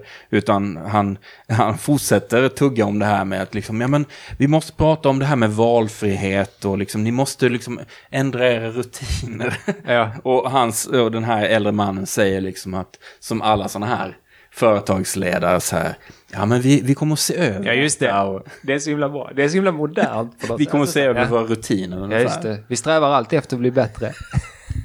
kunde varit liksom taget från Ja. Facebook eller Google idag. Och samtidigt då så spänns Ja. Wilson fast vid den här båren liksom. Och det kom... Det är, är, det är bara för att du inte ska trilla av. Ja, just det. Och så kommer det en fantastisk dag. kommer det en präst och frågar honom så här. Ja, men är du protestant? Ja, men vad har det med någonting att? Jag vill bara kolla så du inte har bytt till någon annan religion under det här året. Nej, så, nej för jag kan, jag kan vara vad som helst. Jag har precis, liksom jag ordained rabbi, priest, catholic priest. Och då börjar han ju ana Ja, ja, as he should. Eftersom sen prästen börjar be för honom. Ja. Eh, och han var så här, okej, vänta nu, vad är det Ja. som håller på att hända? Så inser han att han, han leds ju mot eh, slakten. Liksom. ja. Han ska ju bli ett sånt där kadaver. C- kanske till och med för eh, Charlie. Det, Det, har jag inte tänkt på. Nej, men det, kanske det har är inte så heller att tänkt på. eh, Men det, kretsloppet där liksom. Att Ja. för, att, för att facilitera Charlies eh, reborn nummer två då så ska han ställa upp med sin kropp. precis. Väldigt organiskt. Och, och, och läkaren, och då, han blir ju sövd då liksom. Och han säger du var mitt västerverk. Ja, Så precis, säger läkaren. Läkaren då, Det var ju synd kirurgen detta, liksom. liksom. Att, Det var ju för synd detta. Ja. Och just de här bilderna, de här, de är rätt ikoniska, de här bilderna på Rock Hudson liksom, bara Sli- hans, hans ja. huvud när Ja. han liksom ligger fastspänd och försöker liksom, Ja. och de sätter dit sån gag. Just det, i- riktig sån tubing Ja. väl. Ja. Riktigt otäckt. Eh, riktigt otäckt.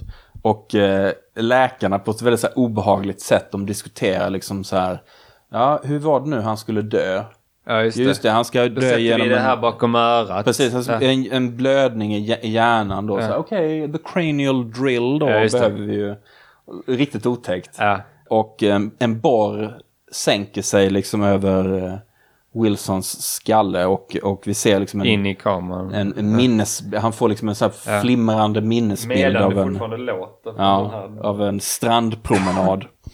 Och det är sen- tydligen en deleted scene. För det är en strandpromenad med Wilsons dotter som spelades in som en Ja, för jag scen. undrade just vad det var för några. Jo. För det var uppenbart att det var... Men så klippte Mm. de bort den från mitten då. Det skulle nog vara någon minnessekvens. Ja, ja. Eh, Men den är rätt effektiv tycker jag. Ja, det är det rätt så, det känner man ju sån där obehag att det sista man minns är någon slags här livets, ja, den gången man var lycklig liksom. Precis. Jävla otäckt. Flimrar, flimrar till och sen blir Ja. allt svart. Ja. Eh, och, och där tar det slut liksom. Jävla bra slut. Ja, det är fint alltså. Det är väldigt fint. Eh, jag tänker också, jag, t- jag funderade också på de här, finns det en hel del sådana här b- borr, borr i huvudet eh, scener, alltså filmer. Alltså den typen av bild i Ja. alltså, skräcksammanhang eller Exakt. andra. Tänk på Brasil till exempel. Alla sådana här som har med olika typer av, eh, ibland är det så här lobotomi-relaterade Mm. grejer och ibland är det rena sådana här, som i det här fallet då. Var det ljudet som man känner Ja. igen. En sån här väldigt intensiv borr liksom. En tandläkarborr rakt in i kraniet. Mm, det är läskigt. Nej men de scenerna tycker jag är liksom, de, de har ju drag av skräckfilmsestetik Absolut. i sig. Både som de, den plockade upp och som den antagligen har inspirerat andra. Mm. Vi pratar lite om vilka filmer som på något sätt har en tematiskt släktskap med Seconds. Mm. Är det någon du skulle vilja lyfta? Ja, men Lost Highway är ju en. Där man också gör samma grepp att låta det vara två olika skådespelare som på något sätt spelar samma karaktär. Mm. Och sen, jag nämnde ju Face-Off som ju är liksom Absolut. eh, actionversionen av det. Och sen så pratade vi om den här Vanilla Sky som ju var en remake på eh, Abres Ojos. Mm. Eh, som ju handlar om, som ju är ganska tydlig det här med, där liksom vilka är vi om vi inte är de vi ser ut som och vilka, som du var inne på där, men vi tittar i spegeln och inte ser ut som vi tror att vi gör, är vi fortfarande samma. Liksom. Det är den här, jag tänker att det finns ju en, det är tacksamt med, för sci-fi den här typen av tematik, för man får ju viss, en viss existentialism på köpet, precis som du vet, androider och artificial intelligence tematik så får man ju hela den här vad är det att vara människa, när slutar vi vara oss själva eh, grejen på köpet. Så det är inte så konstigt att man plockar upp den. Nej. Den är effektiv. Mm. Men den är stark Mm. också. Eh, då så ska vi avrunda här, men jag tänkte fråga dig, jag har ett par frågor som jag brukar avsluta de här poddarna med. Och Första frågan är, eh, vem hejar du på i den här filmen? Jag eh, hejar ju på Rock Hudson ändå. Alltså, men, jag, men som jag säger, det finns en frustration i att han är, liksom är så velig och trumpen. Um, och jag tycker också att poängen med filmen är att det här inte ska gå. Så på ett sätt så hejar jag ju inte på att han ska lyckas med det, men samtidigt så är, så är det ju, alltså den, jag, när jag, jag såg om eh, liksom den igår då så såg jag den här slutsekvensen med det där barnet som han har på eh, axlarna och leker med stranden så. Där, den sista sekunden sympatiserar, sympatiserar jag stenhårt med honom. Precis innan borren. Ja, jag eh, får ha ett annat svar då, så, så eh, hejar jag på Mrs Hamilton. Jag hoppas hon går vidare i sitt liv och eh, har, ett- har ett bra liv utan den här ganska tråkiga mannen. Och det verkar ju som att hon har levt, levt upp att- lite grann. Ja, ja. Så det, det, det hoppas och Ja, tror hon jag på. till när han försvann. Ja, så jag, jag hejar på henne. Och sen eh, nästa fråga är, vem skulle du vilja rekommendera den här filmen till? Jo men folk som, eh, folk som gillar eh, de filmerna som vi kanske har nämnt för att se var vad en del av den här tematiken kommer ifrån och vad liksom eh, en del av den här... Men jag tror också alla egentligen. Alltså den är, jag tycker den är väldigt allmängiltig och välspelad. Den, är, den, den, den drar ju lite mot exploitation som vi kanske var inne på ett tag, vissa fall och sådär. Och den, men eh, alltså man kan se den bara för fotot, tycker jag också. Mm. Eh, Jag såg den med min eh, hustru och eh, hon var också väldigt förtjust i den. Alltså just som en sån tankeställarfilm också som på många sätt är intressant att se. Mm. Vem skulle jag vilja rekommendera den här filmen till? Hmm. Jo, jag skulle vilja rekommendera den här filmen till ehm, ja, men folk som vill kanske se en annan sida av Rock Hudson. Alltså, det här, den här rollen liknar ju liksom ingenting annat som han sen gjorde varken Nej. före eller efter. Så om de som är bara vana vid att se honom i en sån här romantic lead eller westernhjälte eh, borde verkligen ta en titt på den här. Nu tror jag ju kanske, det är lite så knäppt att ha, egentligen ha den här frågan sist på, i podden eftersom har man lyssnat så här långt så har, vet man ju precis, så har man ju kanske då har man ju spoilat hela filmen. Men den är ju ändå värd att se. Jag tror jag liksom, den är inte så hemskt svår att få tag på heller. Så att eh, det borde man verkligen kunna göra. Innan vi slutar, eh, Isak, eh, tack så hemskt mycket för att du ville vara med och prata om seconds. Tusen tack för att jag fick lov att göra det. Eh, om folk skulle vilja säga, gud vad bra du var i, i den här podden. Har du några sociala medier som du vill att folk ska följa dig på eller något sånt där? Finns det någon... någon eh... Jag har ju en letterbox men den kommer jag inte på. Men jag har, eh, finns på Twitter. Att Isak Hammar. Då så. Eh, då säger vi eh, hej då. Hej då!